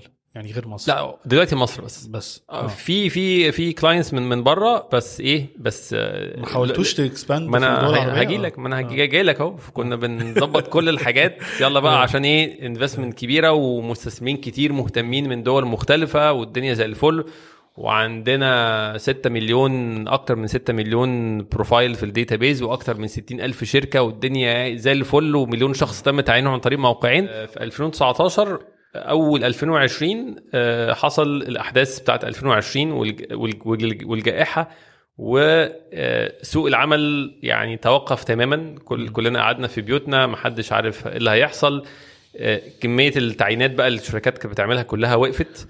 فالوظائف اللي كانت يعني بتعلن جديدة نزلت 80% drop عن الطبيعي. وال وال revenue وبالتالي الاشتراكات بتاعت الشركات قلت جامد. تقريبا أربع خمس شهور ما ما فيش. سوق العمل تقريبا كان almost متوقف بالكامل. فده أثر جامد جدا على الشركة وإحنا إيه كنا لسه طالعين بقى وبنصرف و... آه. و... وكل حاجة. حلوة بقى آه. فين بس ف... ف 2020 آه، بعد ما الواحد إيه بقى عانى في أول كام سنة كنت متخيل خلاص إن إحنا إيه عدينا الأيام الصعبة. ف 2020 الحمد لله كانت إيه برضو سنة صعبة جدا وإحنا عندنا 300 موظف. وفجاه البيزنس آه، يعني الوضع صعب. واضطرينا إيه يعني نقلل برضو مرتبات وفي ناس اضطرينا نمشيهم وحاولنا نأجل إن إحنا نمشي حد على قد ما نقدر. فكانت يعني سنة صعبة جدا آه، عرفنا نعدي بيها بس كانت يعني level stress بالنسبة لي آه، وب- وبقيه الناس اللي معانا قوي جدا يعني. ف... طب عرفتوا تخرجوا من المرحلة دي إزاي؟ لأن كانت واقفة بقى ما فيش تعيينات الناس واقفة فال revenue أكيد اتأثر الدخل يعني اتأثر. عرفتوا تعدوا منها إزاي؟ تاني يعني آه، اللي عملناه إن إحنا عملنا يعني salary cuts قلنا يا جماعة بصوا إحنا الوضع متأثر جامد جدا محتاجين نقلل المرتبات. يا إما هنمشي ناس يا إما هنقلل المرتبات. فالناس قالوا تعالوا نقل- نقلل المرتبات. فخفضنا المرتبات جامد بنفس ال- ال- ال team اللي كان موجود. خدتوا رأي ال team اللي معاكم يعني؟ أخدنا رأي ال team طبعا. طب ده كويس قوي لأن كتير قوي من الناس في المشاكل يعني عارف اللي هو إيه بيخشوا ال management لوحدهم يحلوا الموضوع وما بياخدوش ما بيشركوش الموظفين والناس في في الحل يعني. yes فدي لا أخذنا مهمة أوي راي رأي ال- ال- الناس وال management كلهم قلنا لا إحنا هنكمل. بس المشكلة طبعا في, في اللي حصل في 2020 إن إحنا مش عارفين هو الموضوع ده هيطول معانا قد إيه. حلو. تمام؟ فكل شوية يقول يعني تعالى نستنى شوية الدنيا هترجع ال- الناس هترجع الشركات هترجع التعيين وكده. فالموضوع قعد يأخر كتير جدا لغاية ما الفلوس عندنا بقت بتخلص. ف وساعتها الحمد لله يعني في المستثمرين اللي معانا يعني الحمد لله يعني ساعدونا. طبعا الفلوس اتأخرت عشان العالم كله كان كان متأثر. آه وعرفنا نطلع ب 2020 بس في الآخر يعني في الآخر اضطرينا يعني برضو ما كانش الموضوع نافع. اللي هو إيه إنت شركة فيها 300 واحد وفيها كل ال ال وال وال وال revenue بتاعها متأثر جامد جدا والناس الشركات مش بتعين. فأنت خلاص ما أنت مش مش هتقدر تخلي كل الناس دول. فاضطرينا للأسف آه، في الآخر نعمل layoffs ونقلل ال- العدد اللي في الشركة. ده كان من أصعب صعب، ها؟ م- قرار صعب جدا. بس آه عارف يعني شر لابد منه. ودي برضو يعني حاجة يعني اتعلمتها بقى لو أنا يعني رجعت تاني. إن أنا ممكن كنت آه كنا ناخد قرار إن إحنا نقلل من من حتى من بدري. ما ما نستناش علشان في الآخر يعني أنا الواحد إيه أنا كان عندي مشكلة إن أنا أنا عامل الشركة دي كلها علشان أساعد ناس تشتغل. صحيح. ففكرة إن أنا أمشي حد من من, من الشركة دي بالنسبة لي آه، صعبة جدا. طب نفسيا كانت عليك صعبة؟ وهيروح كمان آه، نفسيا صعبة. طب وهيروح والسوق أصلا ما فيهوش وظايف دلوقتي هيروح يعمل إيه؟ تمام؟ بس اللي أنا اتعلمته بعد كده إن أنا هو في الآخر هو مش أنا اللي برزق. صحيح. هو, هو ربنا اللي بيرزق. صحيح. تمام؟ فانا أنا قعدت شايل هم رهيب. الناس والناس هتعمل إيه؟ خلاص ما الشركة مش قادرة يعني لو الشركة مش قادرة صحيح. تخلي كل الناس دول هو أنا ليه ب... ب... بموت في نفسي؟ يعني خلاص يعني و... واكتشفت بقى بعدها بسنة بسنتين إن الناس اللي مشوا من عندنا أغلبهم في الآخر راحوا شركات تانية ممكن حتى بمرتبات أعلى ومبسوطين جدا وبيبعتوا لي ومبسوطين و... و... وإحنا انبسطنا جدا بالفترة دي إن إحنا كنا شغالين معاكم في الشركة. اللي هو حسيت إن أنا كنت شايل هم بز... بز... بزيادة. صحيح وكنا ممكن ناخد قرارات آه، أقوى تفيد الشركة والناس يعني في الآخر ربنا اللي بيرزق مش إحنا. شوف يعني من الحاجات الجم يعني مهمة قوي في ال leadership أو بت define يعني أنا بشوفها الحقيقة هي هي ال- المعنى الحقيقي ال leadership هو اتخاذ القرار. أنا بشوفها دايما لما بكلم CEOs بكلم senior manager بقول له أنت جاي المؤسسة دي أصعب حاجة أنت هتعملها هو اتخاذ القرار والقرار الصعب. يعني انت ما بتختارش دايما السهل ان انت تختار بين القرار الحلو والوحش أو الاختيارات الحلوة والوحش. انت لازم تختار بين الصعوبة اختيار بين حاجتين كويسين أو اختيار بين حاجتين صعبين. وان انت تبقى الشخص اللي يتقبل ياخد القرار. لأن كل الناس تقول لك أنا عايز ابقى ليدر وقائد ومش عارف إيه ومدير. لغاية ما يوصل لقرارات صعبة ممكن ما ت... ت... يعني تخلي ناس. ما, ت... ما تحبوش أو تختلف معاه أو هكذا. يقول لك لا مش لاعب. شوف حد تاني يعملها. فأنا بشوفها دي يعني فعلا ال true definition of leadership يعني. بص يعني بالنسبة لأي CEO في أي شركة يعني اتخاذ القرارات الصعبة ده ده ده, ده الأساسي. لو حد مش عارف ياخد قرارات صعبة ما ينفعش يبقى CEO صحيح. وموضوع ال layoffs أو إن واحد يقلل عمالة في, شركة من أصعب القرارات أي حد ممكن ياخدها. بس يعني في الآخر طالما أنت ارتضيت تبقى أنت CEO وأكبر حد في في الشركة دي لازم تاخد القرارات الصعبة. فبس أنا كان في في ال interviewهات كده بعض ال interviewهات بره لل CEOs وكده فبيقول لك هو ما بيسألوش أنت عينت كام واحد هو بيقول لك أنت مشيت كام واحد. عشان مش عشان حلو يبقى عدد عدد كبير من إن أنت مشيت بس أنت قعدت قدام حد وخدت القرار الصعب إن هو يمشي وإزاي التعلق النفسي بالشخصيات وهكذا. وحتى في أوقات بيبقى فيها مشاكل فالناس اللي ماشية دي ناس كويسة يعني هم ما عملوش حاجة غلط بس الأحداث كانت أكبر من الشركة إن هي تستحمل كل ده. إيه، بيسألوا عليها أنت عملت يعني في ال interview أكتر لل CEOs وال executives أكتر من أي حاجة تانية. هو غير إن إحنا مثلا في جائحة وبنقلل العمالة في في الشركة أنا بسأل السؤال دوت بقى في أي أي مدير عادي هو أنت رفدت كام واحد؟ صحيح. لو لو واحد يقول أنا عينت فريق فيه 20 30 واحد طب رفدت كام واحد؟ وقال لي ما رفدتش. اصل أنا أنا أنا عارف ومتأكد إن مفيش أي أي تعيينات بيبقى فيها في ناس بت- بتنفع وفي ناس ما بتنفعش. صحيح. فكون إن أنت عندك فريق كبير ما عرفتش ترفد أي حد معناه إن أنت غالبا كان في ناس performance مش كويس وأنت مش عارف تاخد القرار أو القرار صعب عليك. فدي حاجات كلها يعني فعلا يعني ال- اللي عنده management و leadership قوي يعرف يعين صح ويعرف يمشي تمام؟ علشان عادة ال- ال- عشان دايما يبقى ال team أفضل حاجة. بس والفرق بس في ال- في الموضوع ده بين الشخص للشخص إن أنت تعملها زي ما بيقولوا بال English in humane way أو بطريقة إنسانية حتى لو هتمشي الطريقة اللي أنت بتعملها بتعملها إزاي هي دي اللي بتفرق بين ال- ال- ال leader الكويس أو ال leader المش كويس. ولكن أنت في كلا الحالتين لازم تاخد قرارات صعبة جدا. أكيد. و- و- وجزء كبير على فكرة من ال coaching أو ال executive coaching اللي هو التعامل النفسي مع القرارات الصعبة. أيوه. ف... فدي مهمة. طيب وصلت المرحله عديته المرحله دي إيه، دلوقتي انت حصل حاجة أنا عارف حصل نقلة إن انت قلت أنا عايز أعمل step down من ال CEO وبقيت chairman احكي لي بقى لأن المو- الموقف ده جديد في ال ecosystem المصري. يعني بره آه، الموضوع ده عادي ده الطبيعي. حتى في جوجل لما ال founders مشيوا وجابوا حد تاني ال CEO هم مسكوا في ال technical الخطوة دي كانت جديدة وأنا حتى لما قريتها وقتها قلت دي خطوة جديدة وعلى حد وهو لسه شاب إن هو يعملها ويختار ياخد الخطوة دي. إيه اللي خلاك تختارها؟ طيب في كذا سبب. آه واحد منهم إن إحنا طلعنا من 2020 عدينا سنه الحمد لله وسوق العمل رجع آه شوية بش- بشكل جيد. بس أنا شخصيا بصراحة تم إيه يعني استهلكت جامد قوي ك stress في السنة ديت. زائد إن أنا كان كده كملت تقريبا 11 سنة من ساعة ما ابتدينا الشركة وأنا بد- بدير الشركة وكنت من ضمن الحاجات اللي أنا برضو اتعلمتها بعدين متأخر إن أنا ما كنتش باخد breaks. كنت اللي هو إيه شغال أي أجازات أو راحة. 24 7 كل أيام في الأسبوع في الأجازات في ال weekend أنا على طول شغال. دي أكيد أثرت على العيلة جامد. وأجازات ما فيش و... ولا حتى ممكن حتى social activities وأصدقاء وخر- وخروجات ور- والرياضه أنا أنا واهب حياتي آه. للشغل ون... وال... وال- والعيلة موجودة. تمام؟ بس ال- الشغل كان واخد يعني جزء كبير جدا من حياتي. بيقولوا. آه. فانا ال- ال- اللي حصل بعد السنة دي حسيت بقى إيه يعني بال بال st- بال stress بتاع صعوبة القرار إن واحد يعني يقلل الشركة أو أو يمشي الناس ده كان قرار صعب جدا. بعد بعد ست سبع سنين إحنا بندبل وبنكبر كل سنة ضعف. فده كان حاجة حسيت إن أنا يعني ك stress level عالي جدا.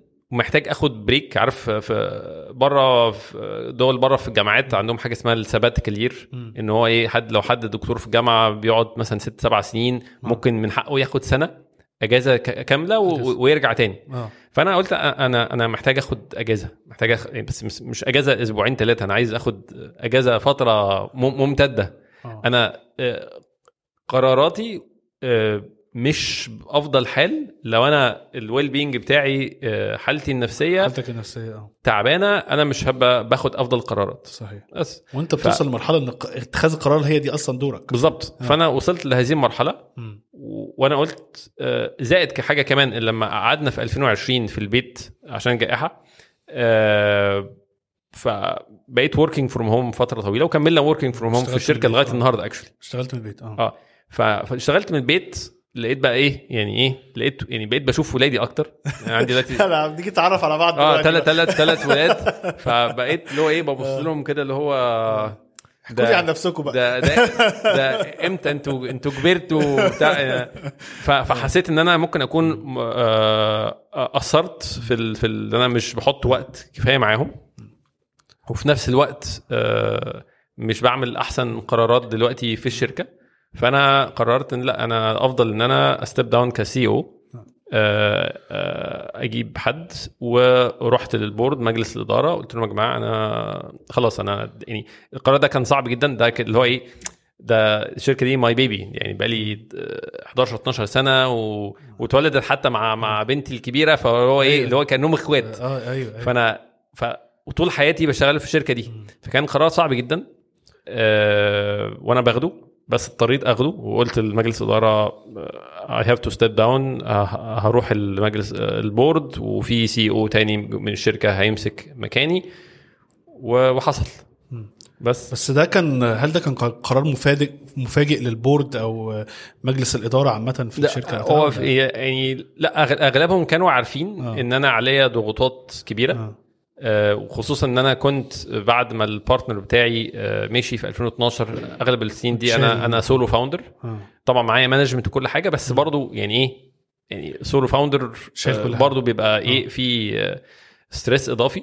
زائد طبعا كورونا واللي حصل فيها. زائد إن أنا أصلا ما كنتش فأنا أنا وصلت لهم من قبلها إن يا جماعة في ظروف يعني كنت مهدت ليها بشكل ما لغاية ما حسيت لا خلاص اللي هو يعني ضرر على الشركة إن أنا أفضل مكمل في في, في ال role ده وأنا بالحالة دي أنا محتاج أقعد أريح فترة طويلة.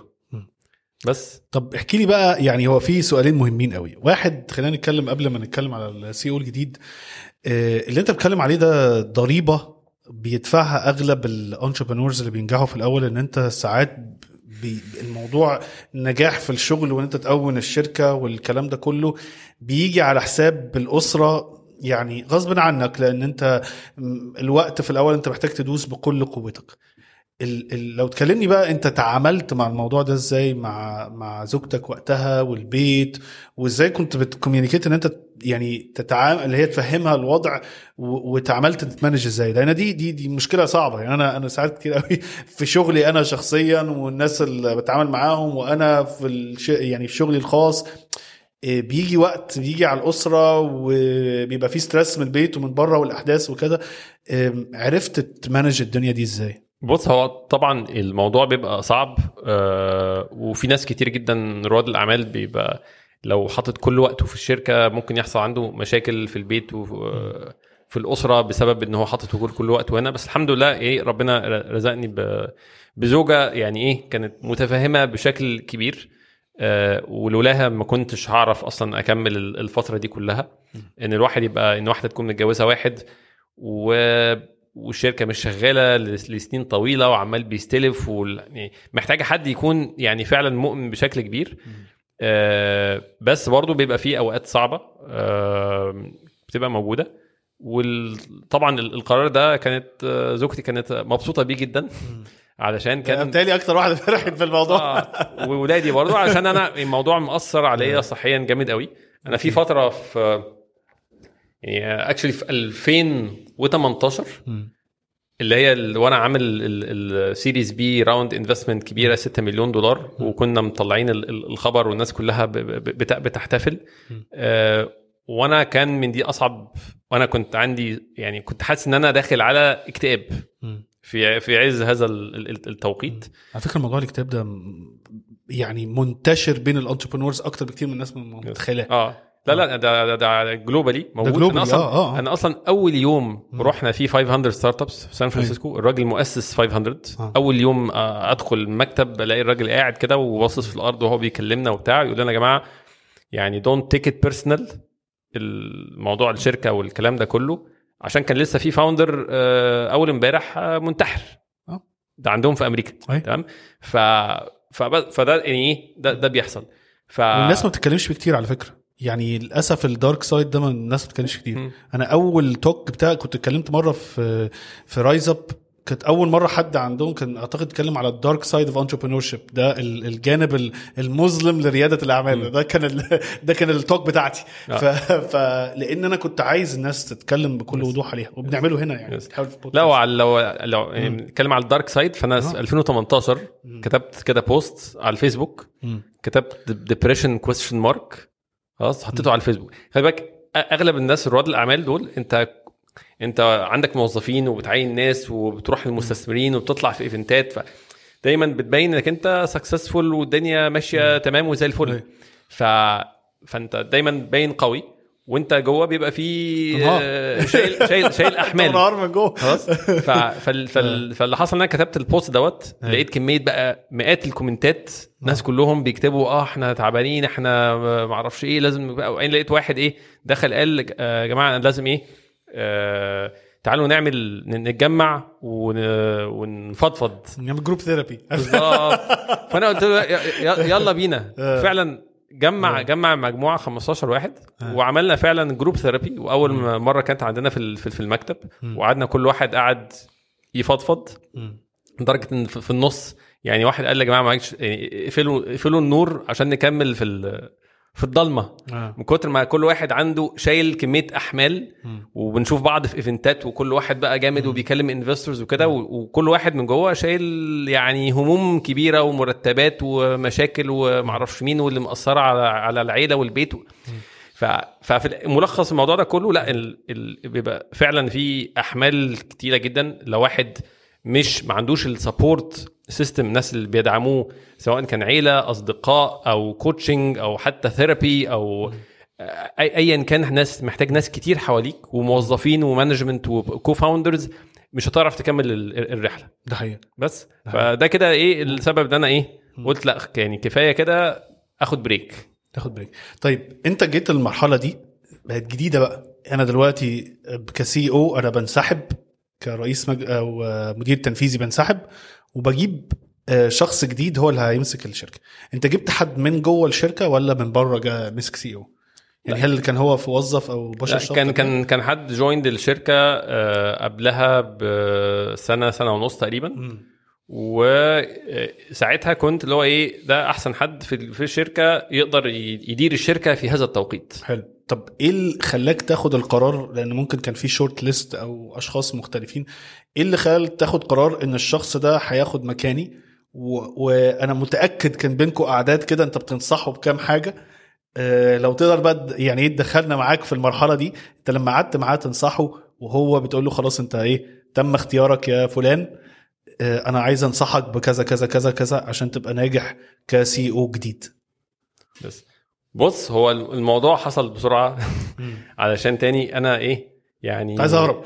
آه، أنا عايز إيه آه، أنا أنا خلصان. عايز أكوت.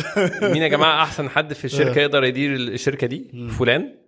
قعدت معاه وقلت له طبعا على الحاجات كلها. والفكرة إن هو كان already موجود في الشركة. فعارف ال management اللي في الشركة عارف ال culture اللي في الشركة.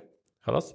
و وهو كانت طريقة إدارته كان باين عليها إن هي هتكون يعني إن هي مختلفة. حلو. بس أنت قلت فلان ليه؟ يعني ليه أنا بس بحاول أفهم طريقة التفكير. ان لما هختار CEO ياخد مكاني ده قرار صعب في آه. ال baby بتاعي. يعني معلش ده كده إيه أنا حد جاي اللي ياخد ال baby بتاعي يقول له إيه يلا أنت بقى ربيه. أو إيه اتعامل معاه. إيه ليه اخترت الشخصية دي؟ أو أو إيه المهارات اللي كانت موجودة اللي أنت كنت شايف إن أنا الشخصية اللي هتاخد سي أو مكاني تكون موجودة فيها؟ وبعد ما حصل بسرعة أكيد قعدت معاه قعدات بتنصحه. نصحته أنا- بإيه؟ لأن أنا حابب إن أنا أسمعها كسي أو جديد. بص أنا أنا بالنسبة لي كان حتة ال ال ال الإدارة تمام؟ ال الشركة في هذا الفترة ال- في هذا التوقيت كانت محتاجة إدارة إدارة قوية حد يعرف ياخد الشركة يعني خلي بالك ان إن CEO يكون بي step down دي أو ال founder يكون بي step down آه، تغيير صعب لأي شركة. جدا. خلاص؟ ف... فمحتاجة حد. أنا بالنسبة لي كنت الش- الشركة عشان تعرف تكمل محتاجة حد يعرف يدير يعرف ي manage الناس ال- ال- ال- الموجودين يعرف يحافظ على ال culture قدر المستطاع. بس برضو مح... الشركة محتاجة transformation فترة تغير. أو وتغير نقلة وطالعين يعني. من آه. فترة صعبة بالنسبة بالنسبة لنا آه. بتاعت 2020 فمحتاجة الحتة دي. محتاجة حد يعرف ي... ي... يعني يتواصل مع المستثمرين وال- والشير هولدرز المختلفين. ففي حد يقدر يمانج ال... ال... ال... يدير المنظومة. بالظبط، يدير المرحلة دي. بعد كده.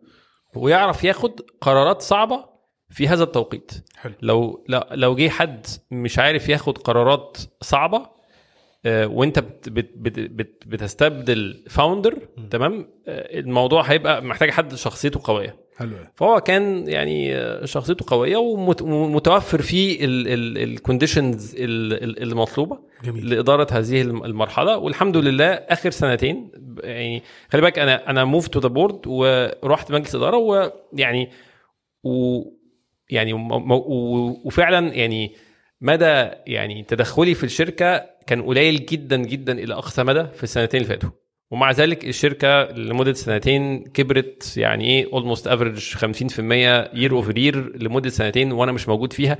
وده في حد ذاته بالنسبة لي الحمد لله يعني جدا. يعني نجاح لطيف آه. إن الدنيا تفضل شغالة. بالنسبة لي كنت كنت أنا مرعوب اللي هو إيه وأنا باخد القرار دوت هو إيه اللي هيحصل هي الشركة ممكن تكمل من غيري؟ ما ما. وفي ناس في الشركة كانوا بالنسبة لهم الموضوع صعب قرار صعب جدا. اللي هو ده ده أمير الف- ال founder ده اللي هو إيه؟ كده ما بقتش الشركة و يعني كان في ناس إيه؟ يعني كان قرار صعب وال communication بتاعه كان صعب بس الحمد لله يعني بس ده نجاح ليك يعني أنا أنت لو إحنا بقى خدنا ال analogy بتاع ال baby والطفل وكده أنت إيه؟ بتمسك إيد الطفل شوية شوية وبعدين بتسيبه ويبتدي هو يمشي وبعدين يجري لوحده. إن هو يعرف يجري بسرعة ووقت ويتأقلم وكده وأنت مش ماسك إيده ده معناها إن أنت نجحت زي ما بيقولوا في تربيته أو بناء المؤسسة فده نجاح ليك ومهم قوي طيب أنت انتقلت من المرحلة دي بقيت في البورد من من المرحلة دي لمرحلة آه، آه، خوارزمي فانشر آه، إيه اللي حصل فيها؟ طيب فأنا قررت خلاص أنا هطلع كمدير تنفيذي. تقريبا في نفس اليوم اللي أخدت القرار ده ولسه ما أعلنتش عنه لقيت تليفون جاي لي آه، ان أنا مطلوب في آه، أبقى عضو مجلس إدارة في هيئة ايتيدا دي هيئة تنمية صناعة تكنولوجيا المعلومات آه، تابعه لوزارة الاتصالات. كممثل عن رواد الأعمال اللي موجودين في مصر. تمام؟ فقلت ماشي. مش مش فاهم قوي الموضوع بس قلت يلا ماشي. بينا. يلا بينا. خلاص. أنا هبقى هبقى في مجلس إدارة في الشركة عندي. يلا كمان مجلس إدارة. تمام. وفي نفس الوقت برضو لقيت برضو شركة تانية في ال في ال في, ال في البورصة آه، شركة إيجي ترانس شركة يعني logistics موجودة في في البورصة. بيقولوا لي إيه تعالى برضو عايزينك إيه في مجلس إدارة في في ال- آه، اللجان اللي موجودة في مجلس الاداره قلت ماشي. تمام؟ ففجأة لقيت نفسي إيه أنا أصلا يعني قلت هاخد بريك قلت هقعد كده أتعافى من اللي حصل فيا في 12 سنة. مفيش. بس لقيت ال- الحاجات دي جت قدامي كأن كده إيه جاي من عند ربنا إن إيه في مرحلة جديدة آه، مجالس إدارات. تمام؟ فدخلت الحاجات دي كلها كل حاجة مختلفة في الشركة بتاعتي وفي شركة تانية في البورصة وفي آه، هيئة آه، ITIDA هيئة حكومية وفي شركات أخرى. و آه، لقيت إن يعني إيه dynamic مختلف جدا إن الواحد يكون في مجلس إدارة مش تنفيذي في شركة. وإنك أنت بت- بتقول رأي وعليك مسؤوليات ولكن أنت مش تنفيذي. ف- بتحط رؤية ومسار آه. بتحط رؤية وممكن ال CEO يحط رؤية وبتتناقشوا فيها و... و... فلقيت إن dynamic مختلف جدا وكل واحدة من دول حاجة مختلفة تماما. آه و يعني اشتغلت في السنة يعني في 2021 دي على كذا كذا research ومشروع ودراسة لسوق يعني ال ecosystem في مصر والشركات الناشئة آه، مع مع ITIDA ومنهم برنامج في جامعة MIT في أمريكا برضو رحناه ولسه مكملين فيه. فدخلت في الحتة بتاعه ال ecosystem building وفي نفس الوقت دوت كمان أنا كان في كده program تم اخت... أنا كنت أصلا يعني من ضمن الحاجات اللي كنت تم اختياري فيها كان اللي هو برنامج أو يعني network بتاع Endeavor آه اللي هم بيختاروا ناس رواد أعمال في حاجات ليها impact أو أثر كبير فدي كنت كنت عضو فيها. وفي نفس الوقت كان في حاجة اسمها Young Global Leaders تبع ال World Economic Forum منتدى الاقتصادي العالمي برضو تم اختياري فيها ومن عن طريقها برضو أخدت program public policy اداره عامه في, Harvard Kennedy School فاللي هو إيه بنوع بقى إيه بال بالخبرات جديدة عن إن واحد بينفذ بإيده بيدير شركة بتاعته إن أنا أشوف الحاجات دي كلها ممكن أعمل بيها إيه. بهدف كله إن أنا أحاول أشوف إزاي ممكن أساعد رواد أعمال الجداد إن هم ما يضطروش يمروا بكل التحديات اللي أنا مريت بيها وإزاي ممكن نخلي إن السوق الشركات ناشئة يكون أسهل ليهم. فكنت يعني مشغول في الحاجات دي. ومن ضمن الحاجات اللي أنا حسيت إن أنا محتاجها دايما كنت بتعلم لوحدي وكتب وكده بس لقيت إيه موضوع المجالس الإدارة ده مخ... هو اسمه مجالس الإدارة بس هو ملهوش علاقة خالص يعني كلمة إدارة دي آه. ملهوش علاقة بالإدارة. أوه. فرحت أخدت برنامج آه تبع ال IFC وهيئة الرقابة المالية. لقيتهم بيعملوا برنامج آه اسمه اسمه اسمه مركز المديرين بس هو برضه يعني ملوش علاقة بالإدارة بتاع إن واحد يكون certified board director عشان لقيت نفسي في مجالس إدارة مختلفة. وفهمت بقى معنى معنى جديد بالنسبة لي هو معنى الحوكمة.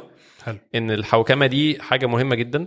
في الشركات الخاصة وفي الهيئات كمان الحكومية إن لازم يبقى في الحوكمة دي يبقى في نتأكد إن الهيئة ديت أو الشركة ديت فعلا شغالة بشكل sustainable إن عشان مستدام بالظبط مستدامة إن CEO مدير تنفيذي اتغير أو ما اتغيرش أو حصل حاجة الشركة تفضل أو المؤسسة تفضل شغالة.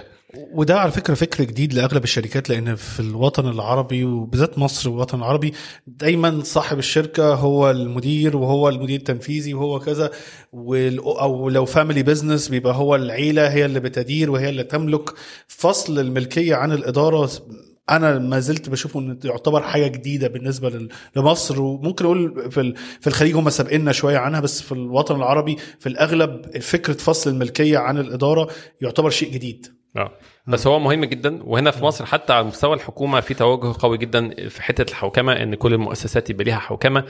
آه إن في يعني حاملي الأسهم حاجة والإدارة حاجة ومجلس الإدارة حاجة. عن بداية أي شركة ال founder أو المؤسس هو ال shareholder صاحب الأسهم وهو التنفيذ ال management وهو المجلس الإدارة. فالموضوع ده كله يعني موضوع عميق تعمقت فيه ويعني كان مفيد جدا بالنسبة لي بصراحة. آه ومن الفترة دي في 2021 كنت ب advise founders كتير جدا آه بقابلهم. وأنا كنت يعني بستمتع إن أنا أحاول أساعد على قد ما أقدر. لو تقدر تشرح لي الفرق سريعا بين ال chairman شغل دور التشيرمان أو رئيس مجلس إدارة وال CEO أو المدير التنفيذي. إيه الفرق بينهم؟ المفروض ال CEO ده ده اللي بيسوق العربية. حلو. تمام؟ ده اللي بيشغل يعني هو الدي تو دي اللي هو ال examples بتبقى أسهل في الشركات الكبيره حلو. وبعدين ممكن نرجع بيها على الشركات الصغيرة. ماشي اتفقنا. الشركات الكبيره بيبقى ممكن ال CEO ده ما يكونش founder الطبيعي إن هو أصلا ما يبقاش founder الشركات اللي في البورصة أغ... يعني أغلبها ال CEO ده واحد. ال... ال... ال... ال... المساهمين في الشركة بيعينوا مجلس إدارة. مجلس الإدارة بينتخبوا ما بينهم chairman رئيس مجلس الإدارة. وهم المجلس الإدارة دوت بيعينوا ال CEO حلو. بيعينوا وبيرفدوا ال CEO من حقهم يعينوا أو يرفدوا ال CEO وال CEO الرئيس التنفيذي ده اللي بيدير الشركة وبيرجع للمجلس الإدارة آه في الخطط اللي هو شايف يعملها ال vision هم بيقولوا له. إحنا الشركة أدي الاتجاه بتاعنا وال vision بتاعنا. حلو. هو يقول لهم أدي الخطة بتاعتي إزاي هنفذ الكلام دوت وأدي ال budget الميزانيه عشان أعمل الكلام دوت.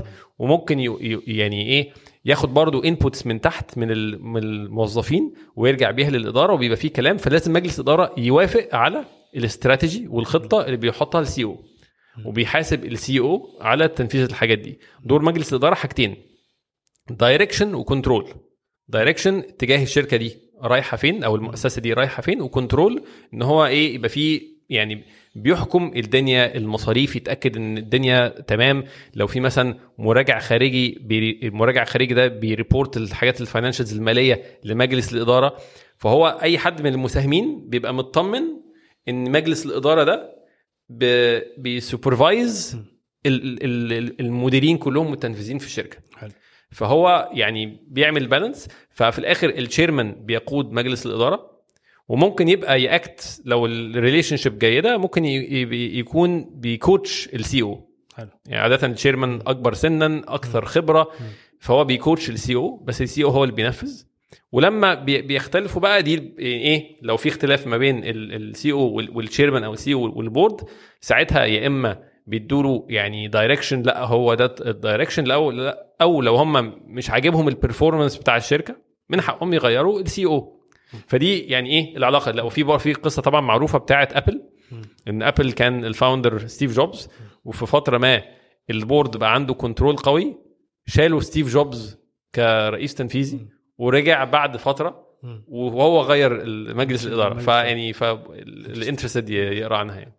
طيب انت يعني موضوع ال board قعدت فيه شوية وما زلت موجود طبعا في BasharSoft انت ما زلت في بالظبط، آه. ال chairman صح؟ أيوه حلو يعني رئيس مجلس إدارة فيها ولكن في مرحلة جديدة بقى انت انتقلت ليها من مرحلة رائد الأعمال لمرحلة المستثمر واللي هو انت دلوقتي بقيت partner أو شريك صح بيتقال فيها ولا بيتقال بالعربي إزاي؟ شريك آه شريك في آه، Khwarizmi Ventures وهو آه، حصاله venture capital أو صندوق استثمار. استثماري لل venture capital وأنت بقيت partner فيه. Yes. طب إيه ال- النقلة دي جت إزاي؟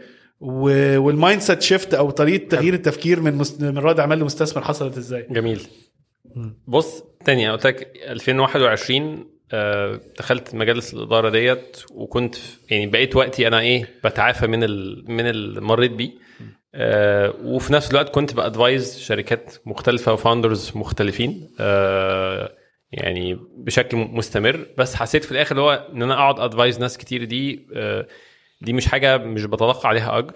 فبالتالي مش sustainable أو مستدامة إن أنا أفضل أعمل كده كتير. فقلت إيه الشغلانة اللي ممكن أكون بعملها تكون بتساعدني تخليني أساعد مؤسسين و founders آخرين وفي نفس الوقت أقدر أفضل أكمل ال- الحاجة دي.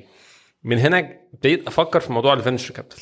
أنا من سنة قبلها يعني عمري ما كنت أتخيل إن أنا آه، أدخل venture capital تماما ما كانش من أحد أهدافي تماما.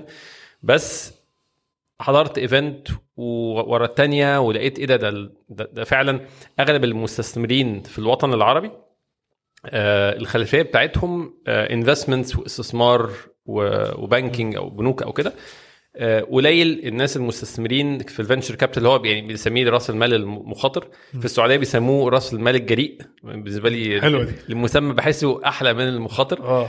آه هي فعلا لغاية دلوقتي مش لاقي لنا كلمة عربي ال venture capital آه لا يعني في السعودية بيسموه راس آه، آه. المال الجريء. لطيف. ف ف قليل ال- اللي عندهم operating experience آه. عملوا startups وشركات قبل كده. مسكوا إدارة تنفيذية مش بالظبط. مش كل مش اي مش أي. إدارة تنفيذية startups ال startups فرق الناشئة. آه يعني إدارة ال- الشركات ال corporates ال- الكبيرة ال mature حاجة وإدارة شركات ناشئة startups حاجة تانية خالص. حلو جدا. ف فدي حاجة ناقصة في في ال region عندنا. بالنسبة لي ممكن أقول إيه إن 10 أو 20% بالكتير من المستثمرين في الم- في المجال دوت في المنطقة عملوا startups قبل كده. whereas في في في Silicon Valley ال ال ال ال ال top 100 مستثمر في المجال دوت في أمريكا آه، نصهم عندهم اللي هو ال operating experience خبرة تنفيذية في startup ونصهم التاني أصلا background استثمار ك investment banking أو أو أو غيره. ف فأنا قلت طيب أنا من ضمن الحاجات اللي كانت challenge عندي الصعوبات إن إن يعني ما كانش في مستثمرين كفاية فاهمين فعلا اللي أنا بعمله. فأنا لو أنا رحت الناحية التانية هبقى ناحية المستثمر, ولكن أنا فاهم ال- التحديات اللي الفاوندرز بيمروا بيها كل يوم. فعشان كده ابتديت أدور في موضوع في المجال دوت وكلمت مع صناديق استثمار كتيرة في في المنطقة كلها في دول مختلفة في السعودية في الأردن في مصر وفي في, في الإمارات. فكلمت ناس كتير وفي الآخر توصلت لصندوق خوارزمي Ventures ده صندوق آه، يعني مقره في الرياض آه، يعني معاه investment assets under management 70 مليون دولار. بي invest في شركات startup شركات ناشئة في الوطن الع- العربي كله من أول المغرب وكمان لغاية باكستان كمان آه، معانا. آه، فأنا يعني سألت طبعا كل الصناديق اللي اتكلمت معاهم وأهم حاجة بالنسبة لي كانت في, في الاختيار دوت كانت إن ان, إن السمعة. إن ال- ال- ال- المجال بتاع الاستثمار دوت. هل هم تواصلوا معاك في الأول ولا أنت تواصلت معاهم؟ أنا عرفتهم عن طريق آه، أحد أصدقائي المؤسسين ل- ل- لشركة هنا في مصر وكانوا من ضمن ال portfolio companies اللي هم حطوا فيها استثمار آه، من عندهم. فهو قال لي ده هم بيدوروا على شريك وصلني بيهم وقال لي عليهم كلام كلام كويس وأنا برضو سألت عليهم هم سألوا عليا. الكلام دوت كان في السنة اللي فاتت. آه، و- و- ات- ات- اتعرفنا وكمان اشتغلت معاهم. كان لسه في إيه restrictions عشان السفر وال والتطعيمات وال- والحجر الصحي وحاجات زي كده في السعودية. فأنا ابتديت معاهم remotely من قبل حتى ما أقابلهم. يعني قابلتهم بعد أربع شهور يعني in person لما رحت السعودية. يعني. تمام. تمام. وانت ال mindset بقى وطريقة تفكير اتغيرت إزاي بعد ما دخلت الناحية التانية بقى؟ يعني انت كنت مدة ب raise fund أو أنا بدور على مستثمرين وكده وبكلمهم كرائد أعمال. طب انت دلوقتي بقيت بقى المستثمر. إيه الفرق في طريقة العقلية بين الاثنين وايه الحاجات اللي اكتشفت ان انت بعد ما كنت انت بقى قاعد في ال في زي ما بيقولوا السيت دي أو الكرسي ده إن الأخطاء اللي أنت ممكن عملتها في البداية أو كتير من رواد الأعمال بيعملوها وهم بيكلموا مستثمرين. أه بص لا في في حاجات كتيرة جدا. أه بس قبل بس ما, ما, ما ادخل في الحتة دي مهم جدا نوضح إن السوق بيت- اتغير جامد جدا في السنتين اللي فاتوا. إزاي؟ يعني أنا زمان لما كنت ب fundraise الوضع كان صعب جدا. الاستثمارات قليلة مستثمرين قليلين تقييمات قليلة كل حاجة كانت صعبة.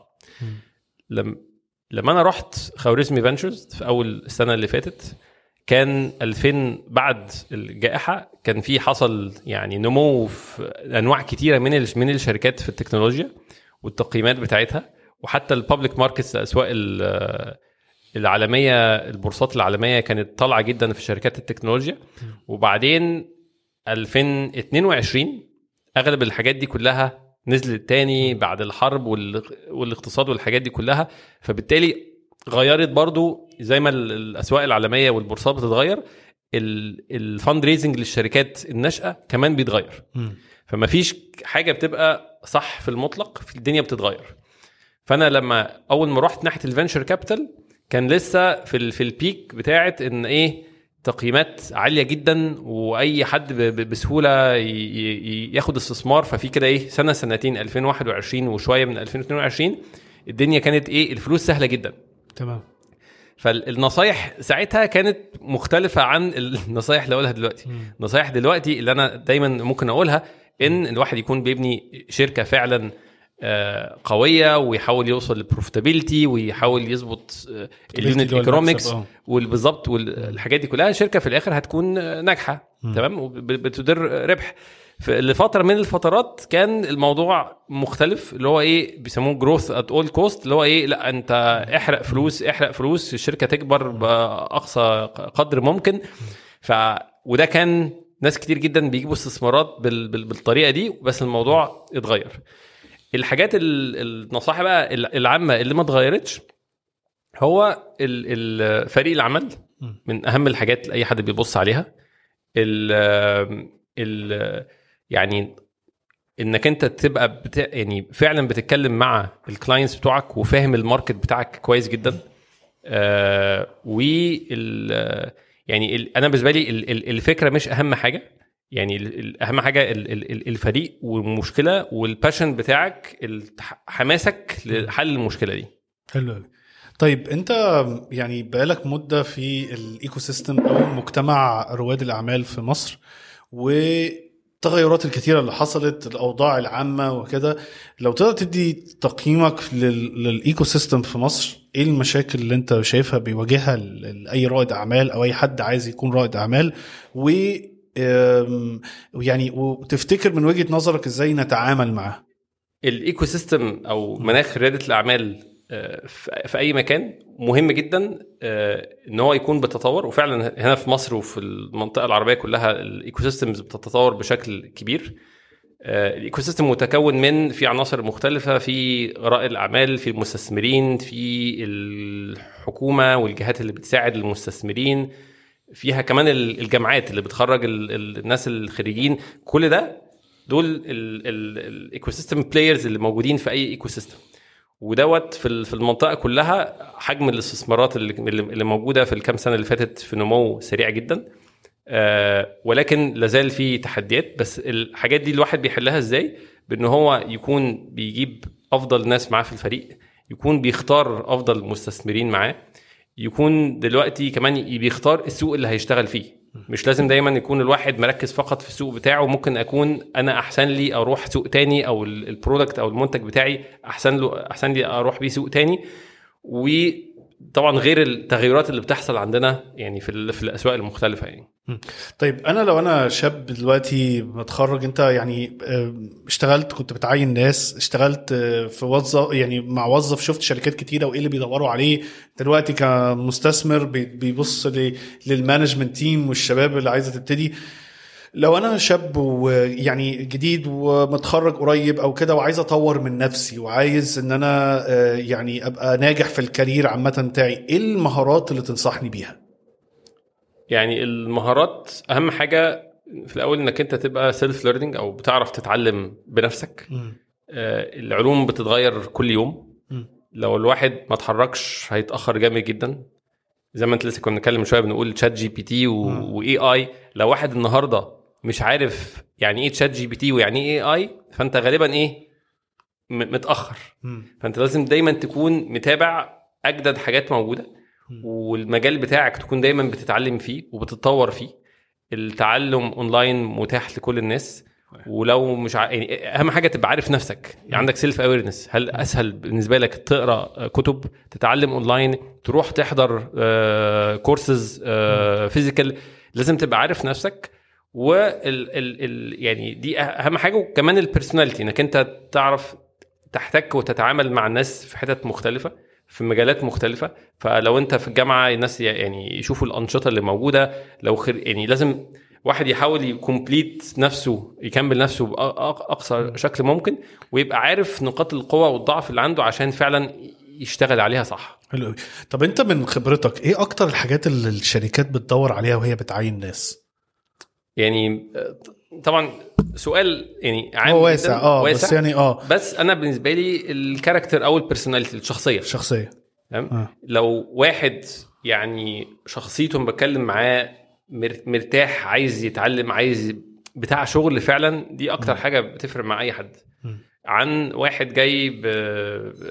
متدلع م- مكسل م- مش عارف ما بيعرفش يدور على المعلومة مش عارف آه، يعني يلتزم بمواعيده أو بشغل. فهي حاجات في الآخر بسيطة جدا حلو. بس آه، مهمة لكل الشركات يعني. حلو. طب أنا كتير قوي من الشباب بيبعتوا لي مسجات ويقول لي يا أحمد أنا عندي فكرة جامدة جدا وأنا شايف إنها هتكسر الدنيا ومش عارف إيه بس أنا آه، ناقصني فلوس أنا عايز مستثمر أنا عايز أكلم مستثمرين طب أكلمهم إزاي؟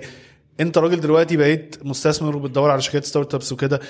ممكن تقول لنا كده تغششنا شوية كده كان واحد لسه عنده فكرة أو entrepreneur أو رائد أعمال أو حد عايز يعمل مشروع إيه الحاجات اللي أغلب المستثمرين بيدوروا عليها أو بيركزوا فيها وهم بي بيستس قبل ما يستثمروا في رواد أعمال ماشي زي ما قلت طبعا ال ال ال ال ال ال الفريق. خلاص ويبقى عنده خبرة في اللي هو بيعمله. ولو ما عندوش خبرة يعني مكتملة بيجيب آه، ناس معاه يشاركوه عن يكملوا الخبرة بتاعته. ومن ناحية رائد الأعمال اللي عايز يبتدي مشروع الوقت دوت وقت ممكن ناس كتير يبتدوا فيه شركات جديدة بس الاستثمار مش دايما هيكون سهل. مهم جدا الواحد يبقى عارف هو محتاج فعلا فلوس قد إيه تكمل له يعني إيه من سنة لسنتين شغل. ولو واحد هيبتدي شركة يبقى عامل حسابه إن هو غالبا المرتب اللي هياخده غالبا في أول سنة سنتين أقل من أي مرتب هياخده في أي شغلانة تانية مستقرة. فما حدش يبقى متخيل إن أنا إيه أنا عايز أعمل فلوس كتيرة جدا فهروح أعمل شركة. لا هو أنت غالبا هتاخد مرتب أقل من أي مكان تاني لغاية ما لو لو نجحت. وتبقى عارف إن إن إن, إن نسبة النجاح ما بتبقاش عالية. وتبقى عارف أنت بقى محتاج فلوس قد إيه. فأقدر أنصحك تروح لأنهي نوع من المستثمرين. محتاج 10000 دولار 100000 دولار هتروح ل آه، يعني حاضنات أعمال أو مسرعات أو accelerators محتاج فوق دوت هتروح للمستثمرين سواء كان في مصر أح- احتاجت رقم أكبر هتروح للمستثمرين في في في- دول أخرى. ف يعني كل واحد على حسب ال ال ال case بتاعته. وفي دلوقتي يعني communities كتيرة جدا اونلاين زي RiseUp Connect وغيره اللي هو إيه ناس بيروحوا بيس- يسألوا أسئلة يشوفوا الأنشطة اللي موجودة. يعني كل الحاجات موجودة اونلاين حلو طيب آه في كده أسئلة دايما بنحاول ال- ال- الجزء الأخراني من الحلقة دايما نسألها. فيعني إيه آه وفيها جزء قوي من ال reflection عامة أو إنه تفكر. أمير لو أنا قعدتك قدام نفسك وأنت عندك 21 سنة تنصح نفسك بإيه؟ آه، أنصح نفسي إن أنا يعني إيه ما أخدش ال- الدنيا يعني بجدية رهيبة وتيجي على أعصابي وأشيل الهم إيه وأنا صغير. وإن آه، الرزق بتاع ربنا وفي حاجات بنعملها وممكن ما- تجيبش النتائج اللي إحنا متوقعينها. آه، عشان إيه ما تعبش نفسيا وصحيا. آه وبرضو أنصح نفسي بان الواحد كان يعني إيه يعني يعني فعلا يحوط نفسه بأكبر قدر من الناس عندهم نقاط قوة وخبرات مختلفة بتكمل الخبرات بتاعتي. حلو قوي طيب آه تفتكر في البيزنس إيه الأهم الفكرة ولا الفريق؟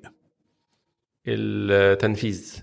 تنفيذ. آه يعني ال- ال- الفكرة لوحدها يعني الأفكار بتجيلنا في كل حتة واحد يدخل يستحمى بيجي له أفكار تمام؟ فال- فالأفكار موجودة وملهاش قيمة لوحدها قيمة الأفكار في التنفيذ. تنفيذ الفريق القوي ممكن ينفذ بس يعني أهم حاجة ال- ال- ال- التنفيذ. حتى لو فريق كله السي في بتاعه قوي جدا ومش عارفين ينفذوا ما بالنسبة لي ما يسووش. طيب إيه معنى النجاح بالنسبة لك في الحياة عامة؟ النجاح بالنسبة لي آه، هو إن الواحد يعرف يعمل أثر على الآخرين ويساعد الآخرين آه، يعيشوا حياة أفضل وفي نفس الوقت آه، يبقى عايش مرتاح البال مش شايل الهم طول الوقت والناس اللي حواليه مبسوطين ومرتاحين بس برضه في نفس الوقت بيعمل حاجة هو مستمتع بيها وبيعمل أثر يعني مستمر حلو. طيب تفتكر يعني من الأسئلة اللي أنا بحب برضو اسالها إيه أكتر نصيحة حد قالها لك في الحياة عامة وفرقت معاك آه، بالنسبة لي أكتر نصيحة يعني بحبها هو يعني الواحد ي work on the business not in the business تشتغل على ال business مش جوه ال business. آه، أنا يعني- دايما بتكلم بردد الكلمة دي كتير على فكرة فده حلو. ف يعني الواحد يبقى يعني لو هو جوه في business فهو في جوه في المعمعة. كده، آه. آه يعني مش عارف يفكر high level و strategic صحيح. on the business فانت أنت فوق البزنس انت أنت الشركة تكون شغالة وأنت باصص من فوق شايف الشركة شغالة إزاي مش معجون في جميل جدا. ال في الدي أنا النقطة دي بتكلم فيها كتير فكويس أنت قلتها يعني. طيب إيه أوحش نصيحة حد قالها لك في حياتك. أوحش نصيحة؟ آه. يعني النصايح ب- ان إن إزاي الواحد يرضي الآخرين أو ال investors فأنت تحاول تقول حاجة عشان ال investor الفلاني يكون مبسوط أو أو شخص الفلاني يكون مبسوط. versus هو أنا أنا كده والشركة دي كده واللي هو إيه يعني هي دي عجباك خدها مش عجباك مفيش مشكلة يعني إيه. أروح على اللي بعدك. حلو. طب لو عندك كتاب أو اتنين في ال business أو تنمية الذات أثروا معاك وحابب ترشحهم لينا؟ آه، في آه، في كتاب آه، اسمه Founders at Work Founders Founders at Work at Work Founders at Work بالظبط آه. ده يعني كتاب آه، قديم شوية من 15 سنة أو حاجة زي كده. آه، كاتبينه آه، ال f- ال founders بتوع Y Combinator اللي هو من أكبر مسرعات الأعمال في العالم. آه، بيحكي قصص مؤسسين شركات أول شركات تكنولوجي إنترنت آه، في العالم اللي هو في آخر أواخر التسعينات واوائل ال- ال- الألفينات. آه، الكتاب ده أنا قريته قبل ما أبتدي الشركة. آه، يعني لأي حد عشان ياخد inspirations قصص كده إيه محفزة، تلهمه آه. محفزة اللي هو إيه يلاقي ال- الشركات آه، المختلفة المؤسسين بتوعها عملوا إيه ساعتها يعني في مثلا 20 شركة مختلفة. ده بالنسبة لي كان كتاب آه، حلو جدا. جميل جدا. والكتاب اللي برضه يعني قريته مؤخرا كان مفيد جدا بخصوص موضوع الحوكمة وال- وال board. كتاب اسمه Startup Boards آه حلو اللي هو ال board management والحوكمه. حاجة وفي عالم ال startups حاجة تانية فده بيشرح ال- ال- إز- إزاي عشان ممكن شركة صغيرة يجيب board أنت مش محتاج ال board دوت. آه. وشركة تبقى تكبر وت- وتبقى معاها عشرات الملايين الدولارات وما عندهمش board عدل. مم. ودول هيلبسوا ودول هيلبسوا برضه. ف... startup boards حلو. بالظبط. آه، أمير في آخر اللقاء أنا حابب أشكرك جدا آه، يعني أنا استمتعت قوي بالقعدة دي وإن شاء الله تكون آه، يعني مش آخر قعدة ويكون لنا قعدات تانية إن شاء الله في business بالعربي. و- ويا رب ما نكونش يعني إيه ضيوف تقال عليك. لا خلص آه. أنا استمتعت أنا كمان وأشكرك جدا يا أحمد. شكرا جدا ليك. ولو أنت أو انتي لسه بتسمعوا البودكاست لغاية دلوقتي ما تنساش تعمل share للحلقة subscribe ولو بتسمعنا على ال iTunes أو SoundCloud ما تنساش تعمل 5 star review وتكتب لنا comment بأسئلتكم في سواء في ال comment section أو في ال review section عشان نقدر نوصل الحلقة دي والمعلومات دي لأكبر عدد من الناس ونشوفكم في حلقة جديدة. من business بالعربي بودكاست وما تنساش انت سي حياتك. السلام عليكم.